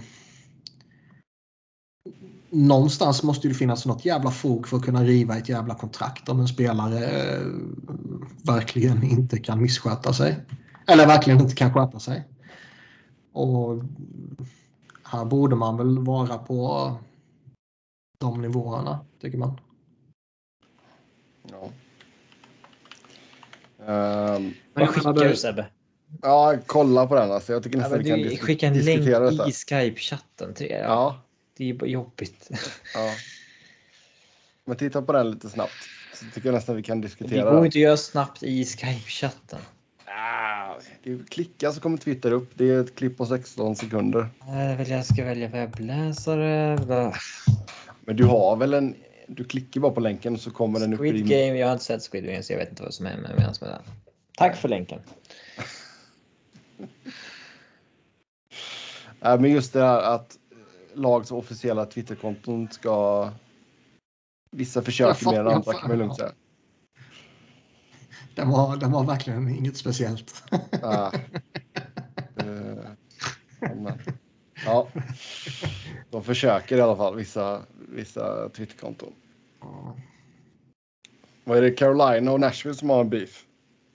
Eh, mycket oklart. Carolina har väl beef med flera. Men det är ju så här, de har ju DMat varandra innan. Så här, ska vi göra en beef, eh, liksom låtsas ha en beef eh, eh, i liksom PR-syfte för oss bägge? Det blir ju bara Ja. trams. Ja. Men Kane, man tycker ju att det, det här borde ju vara ett jävla läge där man kan riva ett kontrakt. Eh, Oh ja. man såg, alltså när eh, LA eh, eh, dumpade ut Mike Richards så fick man ju tillåtelse att göra det som en engångsföreteelse. Det skrevs ju typ in i CBA eller vad fan man skrev in det att det här får man göra en gång men ni får inte göra det fler gånger. Det vill säga plantera smärtstillande i hans bil när han passerar gränsen. Eh, och det har ju spekulerats, jag tror det var Friedman också, har ju spekulerats lite om man skulle kunna göra något liknande kring Jack Eichel. Att man hittar någon lösning och typ liksom ja det här tillåter vi den här gången men det får inte bli ett prejudikat så vi kommer inte tillåta det fler gånger. Typ. Mm. Eh, man borde ju fan kunna hitta någon liknande jävla lösning kring Kane för det är ju... Ja, det, nej, det är ju inte en spelare. Alltså, man, kan, man kan ju tycka det faktiskt. Ja. Är det någon gång som en jävla spelare ska få sitt kontrakt rivet så är det ju för sådana här grejer. Ja, alltså som sagt. Sen ska, man, sen ska man inte bli det bara för anklagelser hemifrån utan det, det är ju det är typ allting i ett paket nu känns det som. Jo, men jag tänker speciellt just på det här med alltså, om han då har fejkat ett covid-intyg liksom eller vaccinationsintyg. Um, och liksom de har som policy att alla spelare ska vara vaccinerade liksom. Det, Framförallt är det... Framförallt är det en jävla grej att säga att man är... Alltså, då har man mer respekt för spelare som Tyler Bertuzzi som liksom i alla fall står upp för att man inte tänker vaccinera sig. Än att man ljuger om att man har det för att slippa skit. Bara. Mm. Ja, nej, den är lite... Den är vad den är. Men, men. Nu värderar jag tweeten. Nej. Vad så, sånt ska inte eh, spöka mig. Och nu missar jag helt. Jag får skicka ut en uh, screenshot.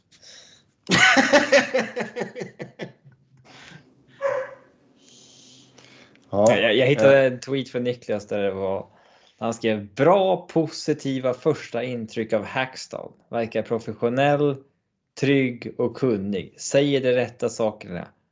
Det här blir spännande. Ja. Det var ju 2015. Sen 2016 och 2017 så är det mycket så här. Jag gillar Hackstall. Men han måste fan sluta med det här liksom. Sen okay. 2018 och framåt så är det bara hat. Men, det, ja. då, men då börjar 2018 är så här. Det är ju inte på Berube nivå än. Men. Visst fan passerade Hackstall uh, Berube nivån då? Ja, herre jävlar. Fy fan. Vilken dåre. Vilket ja. tålamod du visade i början. Ja, ja, ja, jag orkar inte med. Fan. Du var ung och naiv. ja. Den här tweeten har inte åldrats väl. När du skrev 2017 skriver jag är en extremt stor beundrare av Hackstall om man jämför med vad jag känner för Wenger. med tanke på att Wenger nu är det ändå lite distans när han har lämnat och så vidare. Att det är ändå så här, ja, han gjorde ändå rätt mycket fint för Arsenal. Oh, ja. Är man väl lite, är man väl lite de, tillbaka de första 10, 12, 15 eller vad man nu vill dra strecket med Wenger är ju briljanta på alla sätt och vis och revolutionerade hela England och, och så vidare. Men eh, han fattade ju verkligen inte när han skulle kliva åt sidan. Ja, men eh, det har man väl ändå det här med att hela hans legacy var pajat av det, det, det har man väl ändå släppt lite grann, eller? Ja, nu med liksom tidens erfarenhet eller vad man ska säga så absolut. Men eh, inte där och då. Mm. mm. Ja. Eh, en liten throwback till... Måste, ja. fan, man borde överväga att radera alla sina gamla tweets. Ja. Herre jävla vad dumma saker man har. I sig borde man radera alla jävla poddar också. Mm. Yes. Ja, eh, jag fick ett litet meddelande här efter jubileumspodden här. Tack till alla er som skrev fina saker. Eh, men jag fick ett meddelande av, av eh, Didrik som jag tyckte var lite roligt. Eh, jag ska läsa upp det här. Eh, Känner vi Didrik eller är det någon som du bara på first name basis med? Nej, jag tänkte bara att jag kanske inte ska säga hela hans namn, men... Det... Jo. Vet inte. Det, han är... Säg hans mejladress och telefonnummer Exakt. Om jag gissar, uh, heter man Didrik då är man ju liksom en seglare från skärgården i Stockholm. Nej, han är ju verkligen Lite fin i kanten. Ja. I vilket fall som helst. Eh, meddelandet som jag fick eh, lyder som följande. Lyssnade igenom sista fem timmarna på jubileumsavsnittet igår. Lyssnade så länge att jag inte längre tänkte på att jag lyssnade. Era röster var bara där. När jag sent på kvällen gick ut med hunden längs en illa upplyst skogsväg och min annars så obrydda hund gick in i high alert mode. Era röster tystnade i några sekunder. En tystnad som sedan bröts av en viskande barnröst som sa Do you want a monster cookie? Hundpromenaden förkortades och det blev raska steg hem för byte av kalsonger. Ja, för fan vad jag garvade när du skickade den till oss. Ja, det var fint. Så, stort tack till Didrik för att han lyssnar. Um, och sorry med vad kalsongerna där. Um, så det, ja, jag tyckte den var lite rolig. Yes, vi eh, tackar för den och sen hoppar vi in på lyssnarfrågor. Stort tack till er som har skrivit in som vanligt. Och ja, vad ska vi börja med här? Hur kan Penguins vara så dominanta utan Malkin och Crosby? För lite sample size, men ändå. Tycker jag att den här frågan skickades in innan de torskade två nu. Mm. nu har de ju vunnit två och torskat två, så bara, nu är det inte så speciellt längre. Men alltså de har ju ändå ett track record av att kunna hävda sig utan en eller båda av dem. Ja, absolut. Eh, och det är ju... Eh, och i grunden är de ju välcoachade. Liksom. Oh. Ja, där är ändå Mike Sullivan. Han är väl en av ligans om man ska ta ut fem coacher i ligan som liksom är på riktigt bra. Vi tror på riktigt gör stor skillnad för sitt lag så är väl han en av dem. Mm. mm. Det har han ju visat i Pittsburgh. För mm. de har ju faktiskt en roster som. Alltså senaste åren skulle kunna ha fallit igenom alla Sharks eller dylikt. Oh ja. Vill jag hävda. Alltså den, den borde ju. Den borde ju göra det snart om inte annat. Ja, i synnerhet om nu, nu Malkins kontrakt går ut. Liksom. Säg att han lämnar och, och Crosby börjar bli lite gammal och kanske får ännu mer skadeproblem. Och mm. Letang kanske lämnar eller börjar också bli gammal och, och sådär. Alltså, då borde de ju falla av definitivt. Oh ja, oh ja. Uh, ja, han har även hanterat att inte ha något målvaktsspel. Sen, ja. Uh, vi får se. Mm. Odds på att Bob vinner Vesna Trophy. De är inte bra. Jag drar upp någon bettingsajt och kolla. Mm. Ja, det känns alltså. Han måste ju ha en helvetes bounceback för att han ska göra det känns det som. Jag tror inte det räcker att han bara har en, eh, en liksom normal bra säsong. Med tanke på var han kommer ifrån. Typ. Han är vad andra gör också. Du måste sticka ut. Ja, givetvis. Jo, exakt. Exakt, exakt, exakt. Det är... Mm. Nej, det är, jag... Alltså de inledande säsongerna i Florida har ju inte varit bra liksom. Så enkelt är det ju. Men eh, någon, eh, något snäpp högre borde han kunna lägga på i alla fall. Det får vi se. Vad tycker ni om Detroits nya stil? Tar ingen skit och pucklar på allt och alla. Fortfarande tafatta i försvarsspelet, men börjar man inte se antydan till att botten är nådd och att det vänder uppåt? Alltså tankåren är över. De försöker bli bättre nu i alla fall. Ja. Men jag kan absolut se att de hamnar i botten i år igen. Det, det, det kan absolut ske. Allt annat är väl eh, en stor överraskning. Det hänger ju på vad för förmågespel av Nedeljkovic. Mm. Eh, är Moritz Seider liksom Calder Trophy bra eller är han bara bra? Mm. Eh, Jakob Branas skada. Eh, den är väl tråkig såklart, men. Oh. Eh, ja, han skulle vara borta ett ganska bra tag också. Mm. Så är det. Um, offensivt så har de väl en eh, en skara spelare som bör kunna ja, leverera hyggligt. Mm. Ja, Lucas Raymond fick göra sitt första mål, så grattis till honom. Oerhört skoj för övrigt när Filip Sardina eh, kallar Conor Garland för midget. Det är inte helt PK. När... Eh, PK. Vem fan bryr sig om PK? När, när people? själv är 5 centimeter längre än honom.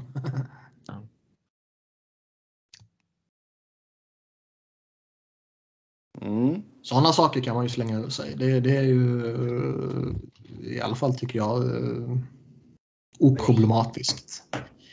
Eh, midgets kanske tycker annorlunda. Ja. Det är kul när små spelare bråkar. Där ser man ju charmen i liksom en, en midget fight på så vis. Sam Gerard har ju en beef med Alex DeBrinket till exempel. Alltså, Ja.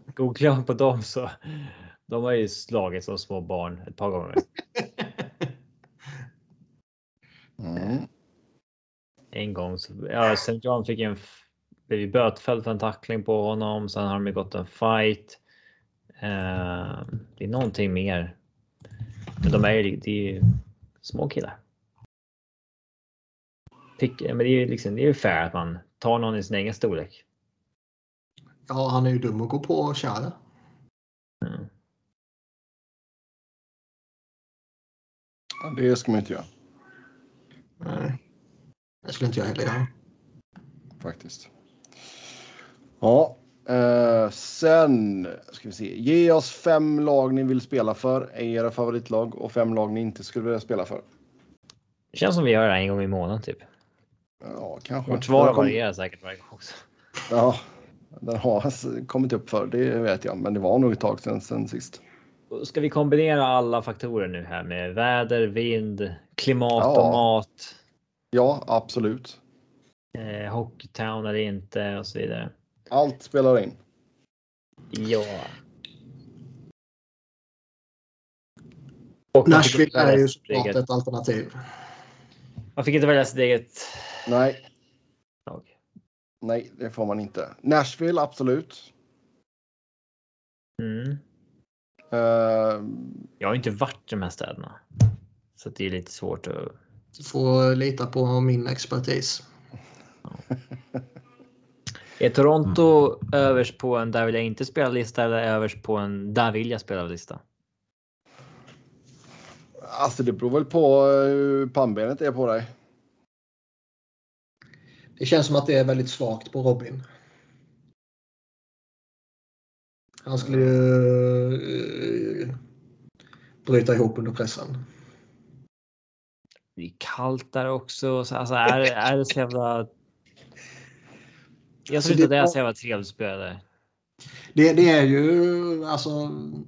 Det det här, ja det är tio gånger värre när det går dåligt men tio gånger roligare när det går bra. Ja, men de- Är det verkligen det? Om det går bra i Nashville då blir det ju tok-hype där också. Ja. Ja. Nej, alltså, he hela grejen med Toronto är väl just liksom att om du skulle råka vara med det där tillfället när de äntligen vinner igen. Så är du ju Legend, typ. legendar forever. Ja, Det är bara att sitta vilken status Börje Salming har än idag liksom. Ja. Eh, Han betalar nog inte för en, dri- en drink när han åker Han, dit. eh, han vann väl inte ens. Han kom lite efteråt. Nej, han har inte vunnit. Ehm, Nej, men spela i Nashville, spela i Vegas. vet fan alltså, jag vet inte om jag vill bo i Vegas. En jävligt cool stad. Jätteglad att varit där en vecka. Men eh, Du bor inte i Vegas, Niklas. Du behöver inte bo på strippen. jag fattar att man inte bor på strippen. Men uh, Du hade ju gjort det i början i och för sig. oh, ja. Det hade du. En Jag vecka. Någon jävla, penthouse-våning i en månad typ och sen bara det här var inte roligt. Eller så skulle jag bo i något riktigt jävla sunkigt, eh, sjabbigt ställe eh, på en parallellgata till strippen. Motel 6 bara. Nej, men LA och New York är väl såklart på en lista ändå. Får man väl säga. San Jose verkar ju vara jävligt chill. Många som trivs där i alla fall. Ja. Eh, Alltså San Jose. Alltså själva staden San Jose är ju inte rolig. nej, Men men det, finns, nej. det, finns ju bra, det finns ju bra områden utanför, absolut. Nej, jag tänkte mer Eh. bara på att det, det är alltid en sån jävla stor faktor när det kommer till kontraktförlängningar eller nyförvärv och grejer med Sharks. Ja. Men där, där får man ju leta sig utåt lite. För du vill inte bo i Men så- kanske. Nej, men så är det väl med de flesta stora amerikanska städer. Alltså New York är väl ett undantag. Ja, New York är ju definitivt ett undantag. Där vill ju alla bo mitt i smeten liksom. Ja. Eller för det mesta. Det finns säkert någon som hellre vill bo i, utanför Manhattan. Men Jo, jo, de flesta har väl kanske inte råd med annat. nej. nej, men alltså jag tänker just hockey ho- hockeyspelarna. Ja. Ehm, Vancouver. Nej, Jo, jag har hört att det är en fin stad, men... Eh, förlåt, en, en, en riktig pärla. Mm. Bra, bra sushi. Ja, för kallt va? Ja. Men du kan ju betala för värme eller? Nej, det är så dyrt nu. Ja. det är inte svenska elpriser för fan. Nej, nej. Nej, men alltså. Ja. Kanada överlag lockar inte. nej, jag håller med. Jag ser eh, fan inte mycket som lockar med Kanada. Tam, ta, ta, Tampa är väl helt okej. Det är väl inte Tampa, riktigt. Det är väl inte- Tampa eller- bättre än Florida. Jag vet inte vad som är mest Florida man-land egentligen. Tampa eller uh, Florida är väldigt Sunrise. Ja, Um, så ja. Nej, men Florida-lagen är väl helt okej. Som sagt, där, där bor du ju också i liksom finare områden så du behöver nog inte. Ah, du måste nog fortfarande vara på din vakt för typ alligatorer och skit, men ja, sådana kommer man ju få hitta i sin pool. ja. Det kan vara lite jobbigt.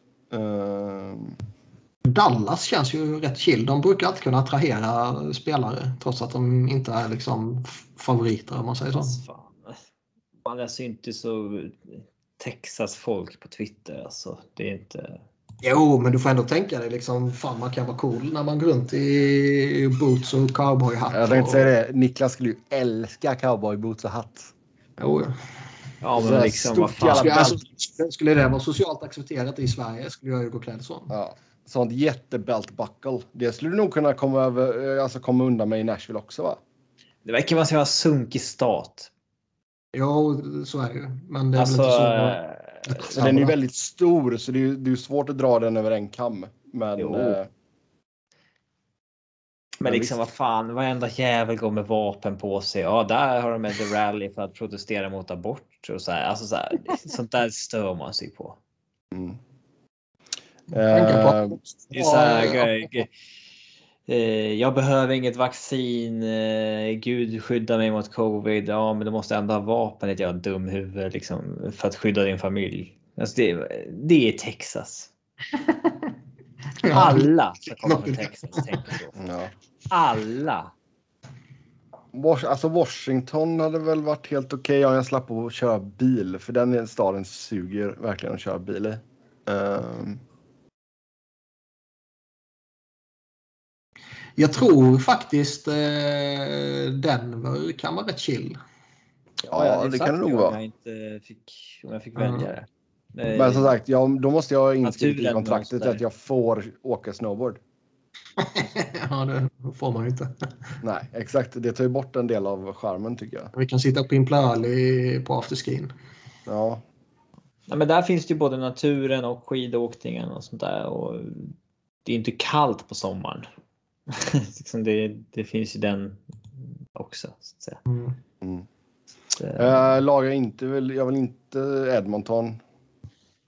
Winnipeg.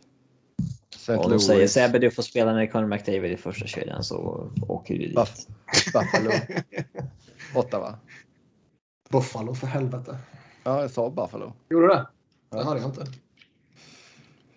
Eh, New Jersey låter ju inte jätteroligt heller. Nej, men spela i New Jersey kan du fan bo på Manhattan. Ja, det, det, det har nog fått ett rykte. Samma Ja, så ska du sätta dig i den jävla skettrafiken på New Jersey Turnpike då? Aldrig i Nej, jag ska ha en livet. helikopter. Aldrig i Jag livet. ska ha en helikopter. Ja, okej. Handlar allt om trafik för dig Sebbe? Det är helt otroligt. Ja, ja, mycket gör det faktiskt. Eh, Det, det var väl de som stack ut så här direkt. Sen är det några som är liksom ganska så här mellanmjölk. Liksom. Alltså Montreal, det ska väl vara en jävligt nice stad. Liksom. Men samtidigt har jag ju noll intresse av att lära mig franska. Ja, jag tänkte säga det. Jag kommer fan inte lära mig franska. Jag kan lära mig lite svordomar på franska. Ja. Mm. Uh, nej men alltså typ St. Louis, alltså ruckelstad. Jag kommer bli mördad. Ja, det. Jag tycker... Ja, Chicago, nej. Yeah. Arizona vill man inte heller, men det är för att organisationen är så jävla pissig. Och för att den förmodligen inte kommer vara kvar där. tänk, tänk liksom, eh, okej okay, nu väljer vi Arizona, där ska vi bo och så går det ett och ett halvt år. Nej, nu ska vi flytta till Quebec. Ja. Quebec, som Kent Forsberg sa. Ja, då blir det ju en jäkla skillnad på vädret. Nej, men alltså just vädermässigt, alltså Arizona gillade jag som fan att bo i. Men det är som du säger, alltså, det, ska man ta in det sportsliga också så är ju laget för dåligt liksom. Det... Minnesota känns ju, det finns ju lite sådär kittlande sportsligt. Man har center inte Kaprizov och, och skiten den så liksom. Då kan vi väl nämna ännu bättre sportsliga situationer oh, ja. än så. Men, men jag tänkte säga att eh, staden känns ju inte alls lockande.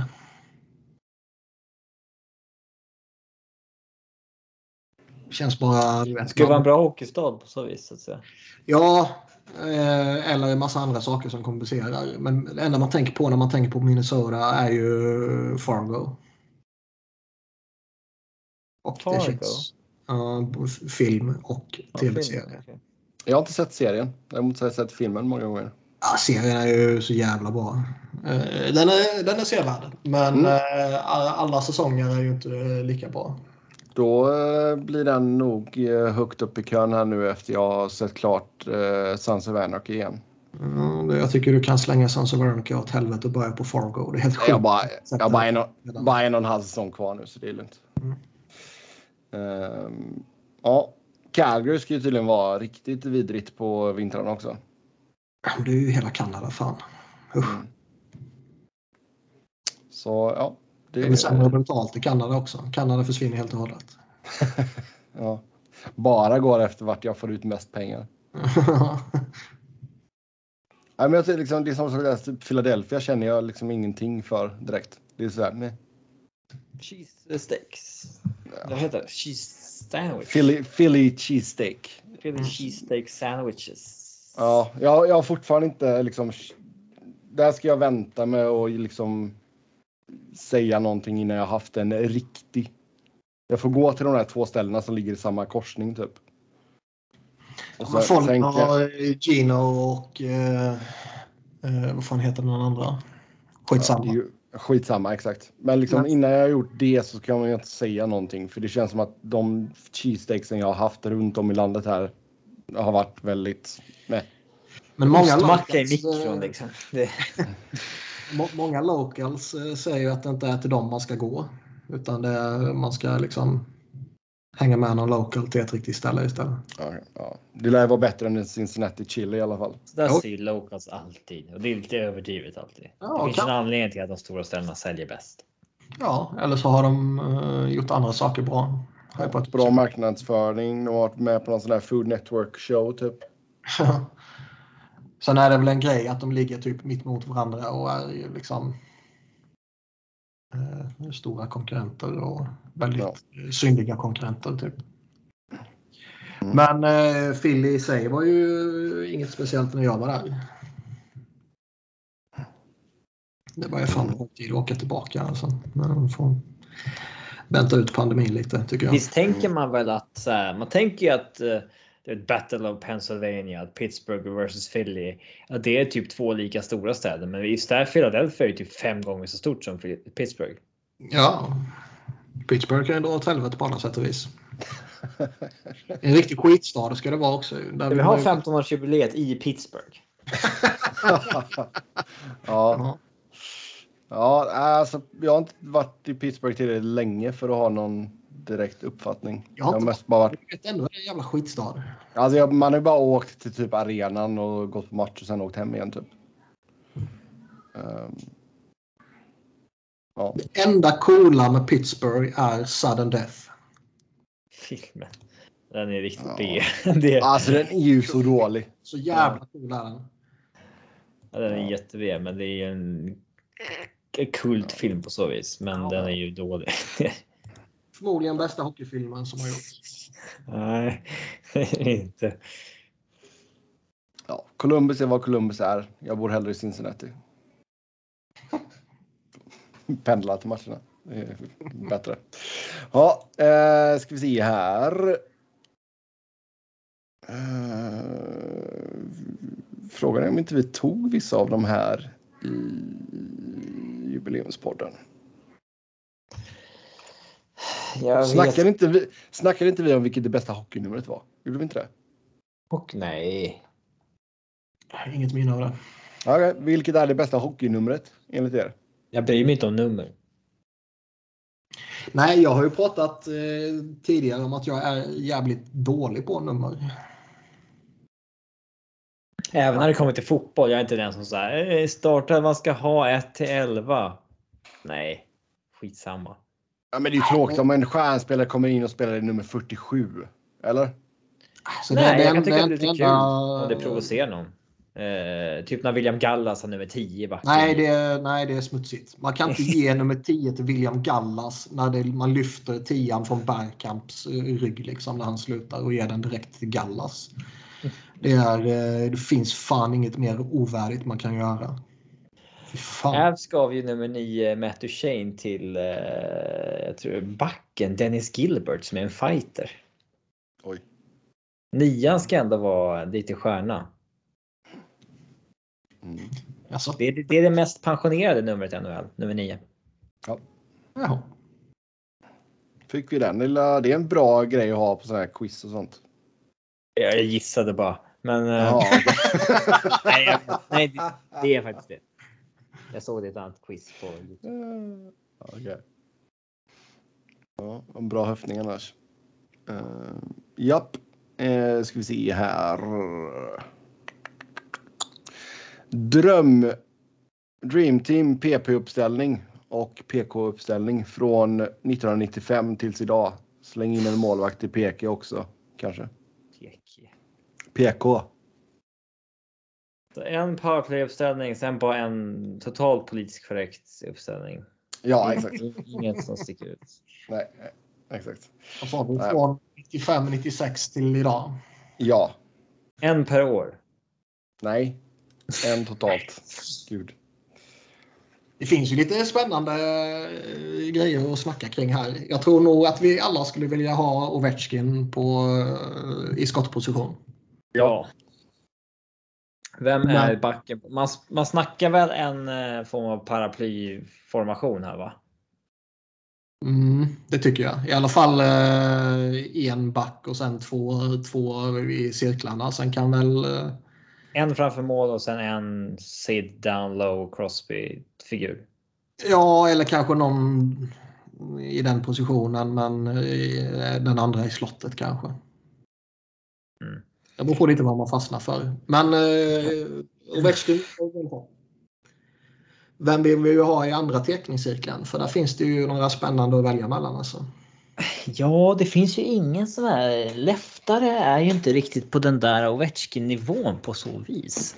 Nej, har eh, superplaymaker Joe Thornton. Du har en jävla superspelare Jagr. I, I dagsläget, alltså i dagens NHL.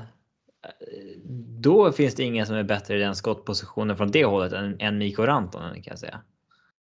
Eh, Eh, kanske inte skytt, men eh, jag tror Kane gör lite skada där också. men ska vi ha liksom eh, Joe Sakic kan fan stå där och bröla på. Fast det blir för konstigt att blanda in jättegamla spelare och ah, det... Ja, jag vet inte. Eh, Ja, men Jagr vill jag in någonstans tror jag. någonstans. Mm. Ja, men eh, från Vilken back 96, tar vi? Ja, men då ska vi både Mario Lemieux och Gretzky in också. Ah, Jo. nej. Det känns ju, om man ska ta ut för den här eran så känns det ju fel att sätta in Gretzky. Lemieux är väl en annan grej. Han spelade ju betydligt längre i alla fall. Men Äh. då. Gör vi det enkelt för oss och bara ta Chris Pronger? Chris Pronger är väl inte med på listan ens eller? Niklas Lidström kanske? Ja, han är väl ganska aktuell. Ja, det blir väl faktiskt så. Mm. Lidström har flest poäng. Sen Gonchar, Burns, Chara, Pronger, Niedermayer, Karlsson, Keith, Subov, Suter. Keith Jandel är faktiskt 12 på den här listan. Ja. Eh, Okej, så Lidström, Ovechkin. Vem har vi liksom? eh, vem hade vi på halfwallen på andra sidan? En playmaker eller en till skytt? Ja, jag tycker väl alternativen är Jagr eller Thornton. Man måste ju kunna ha två skyttar om man ska ta ett all time PP. Alltså, Jag tycker eh, inte att Jagr eh, är ett dåligt alternativ som skytt. Timo Sellene?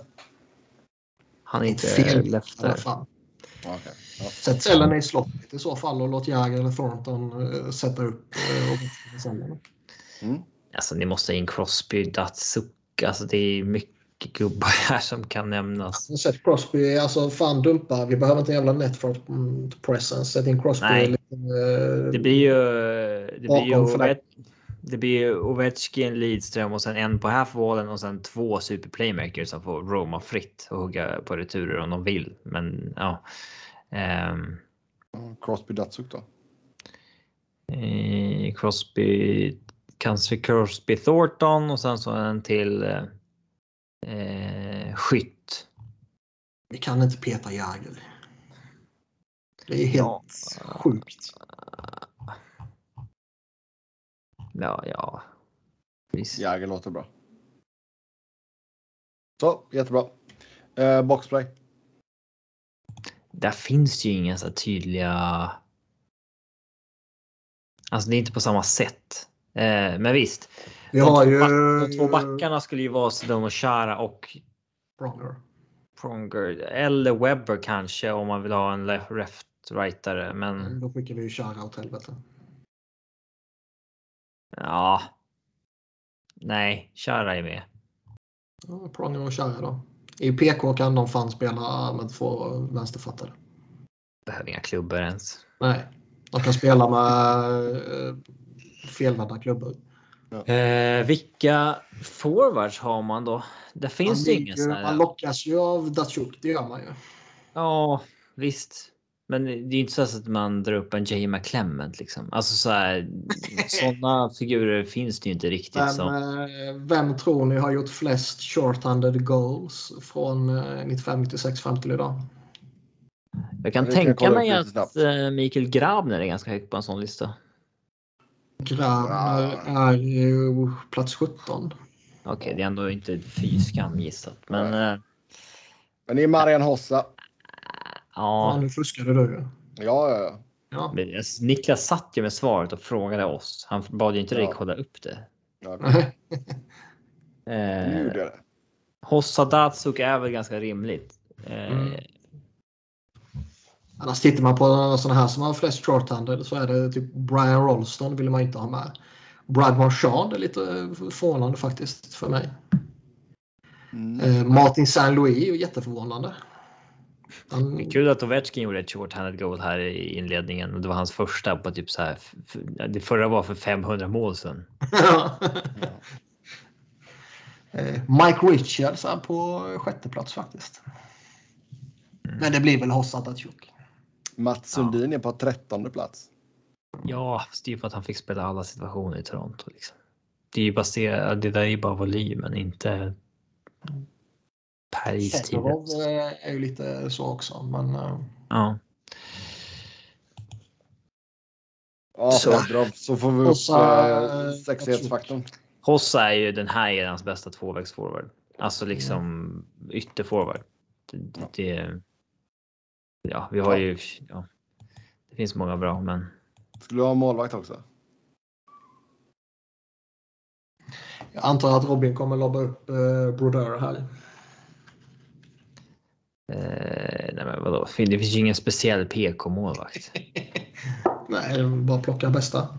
Ja, Hasek. Boom. Ja. Han, han eller Roa är väl skitsamma typ. Ja. Yes, yes, yes. Ja, uh, ska vi se.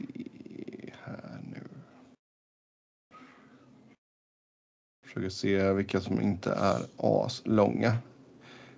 Uh, Niklas, vilken är din uh, drömuppställning i den svenska NHL-studion? Uh, förmodligen en nerlagd studio. Ja, om, du ska, om du ska sätta ihop en, ge mig en. Om jag ska sätta ihop eh, en svensk drömstudio så består den av, eh, jag tycker, jag tycker Ray Ferraro är bra. Ja, men det måste vara en svensk studio, Niklas. Ja, han kan gästa en svensk studio som kan vara på engelska. Ja, du, du missar lite poängen i frågan då. Men... ja. Eller så undviker jag eh, aktivt att besvara frågan för det finns inte eh, eh, några som attraherar mig. Det är klart att du kan ta fram vilka du skulle sätta om du fick bestämma. Nej, alltså grejen är att om man tänker på typ gamla spelare och sådär så... Eh, ja, många av dem är skit när de väl får ja, chansen. Många det är av tragiskt. dem lockas man ju inte av liksom. Eh, så jag vet fan vad, alltså. Finns det någon gammal spelare man skulle tycka var intressant av de stora liksom? Det gör man väl inte. Jag tycker liksom Foppa Sundin, Alfredsson, eh, Lidas, det där gänget. Jag tycker inte någon av dem är... Alltså de, de har ändå varit i studion lite då och då på, på olika sätt. Jag tycker inte det är något som gör det ja. så jättespännande. Ska man vara lite seriös så tycker jag, jag tycker Rickard Wallin är rätt duktig faktiskt. Men... Eh, det finns ju säkert hur mycket fynd som helst på att man aldrig har hört dem. Alltså Sverige. Nej, men så kan det vara. Och, eh, men av de, av de nuvarande sådär så är det väl liksom Wallin och sen får man väl i så fall hitta någon. Eh, det finns jättemånga supportrar. Bygga runt honom. Ja.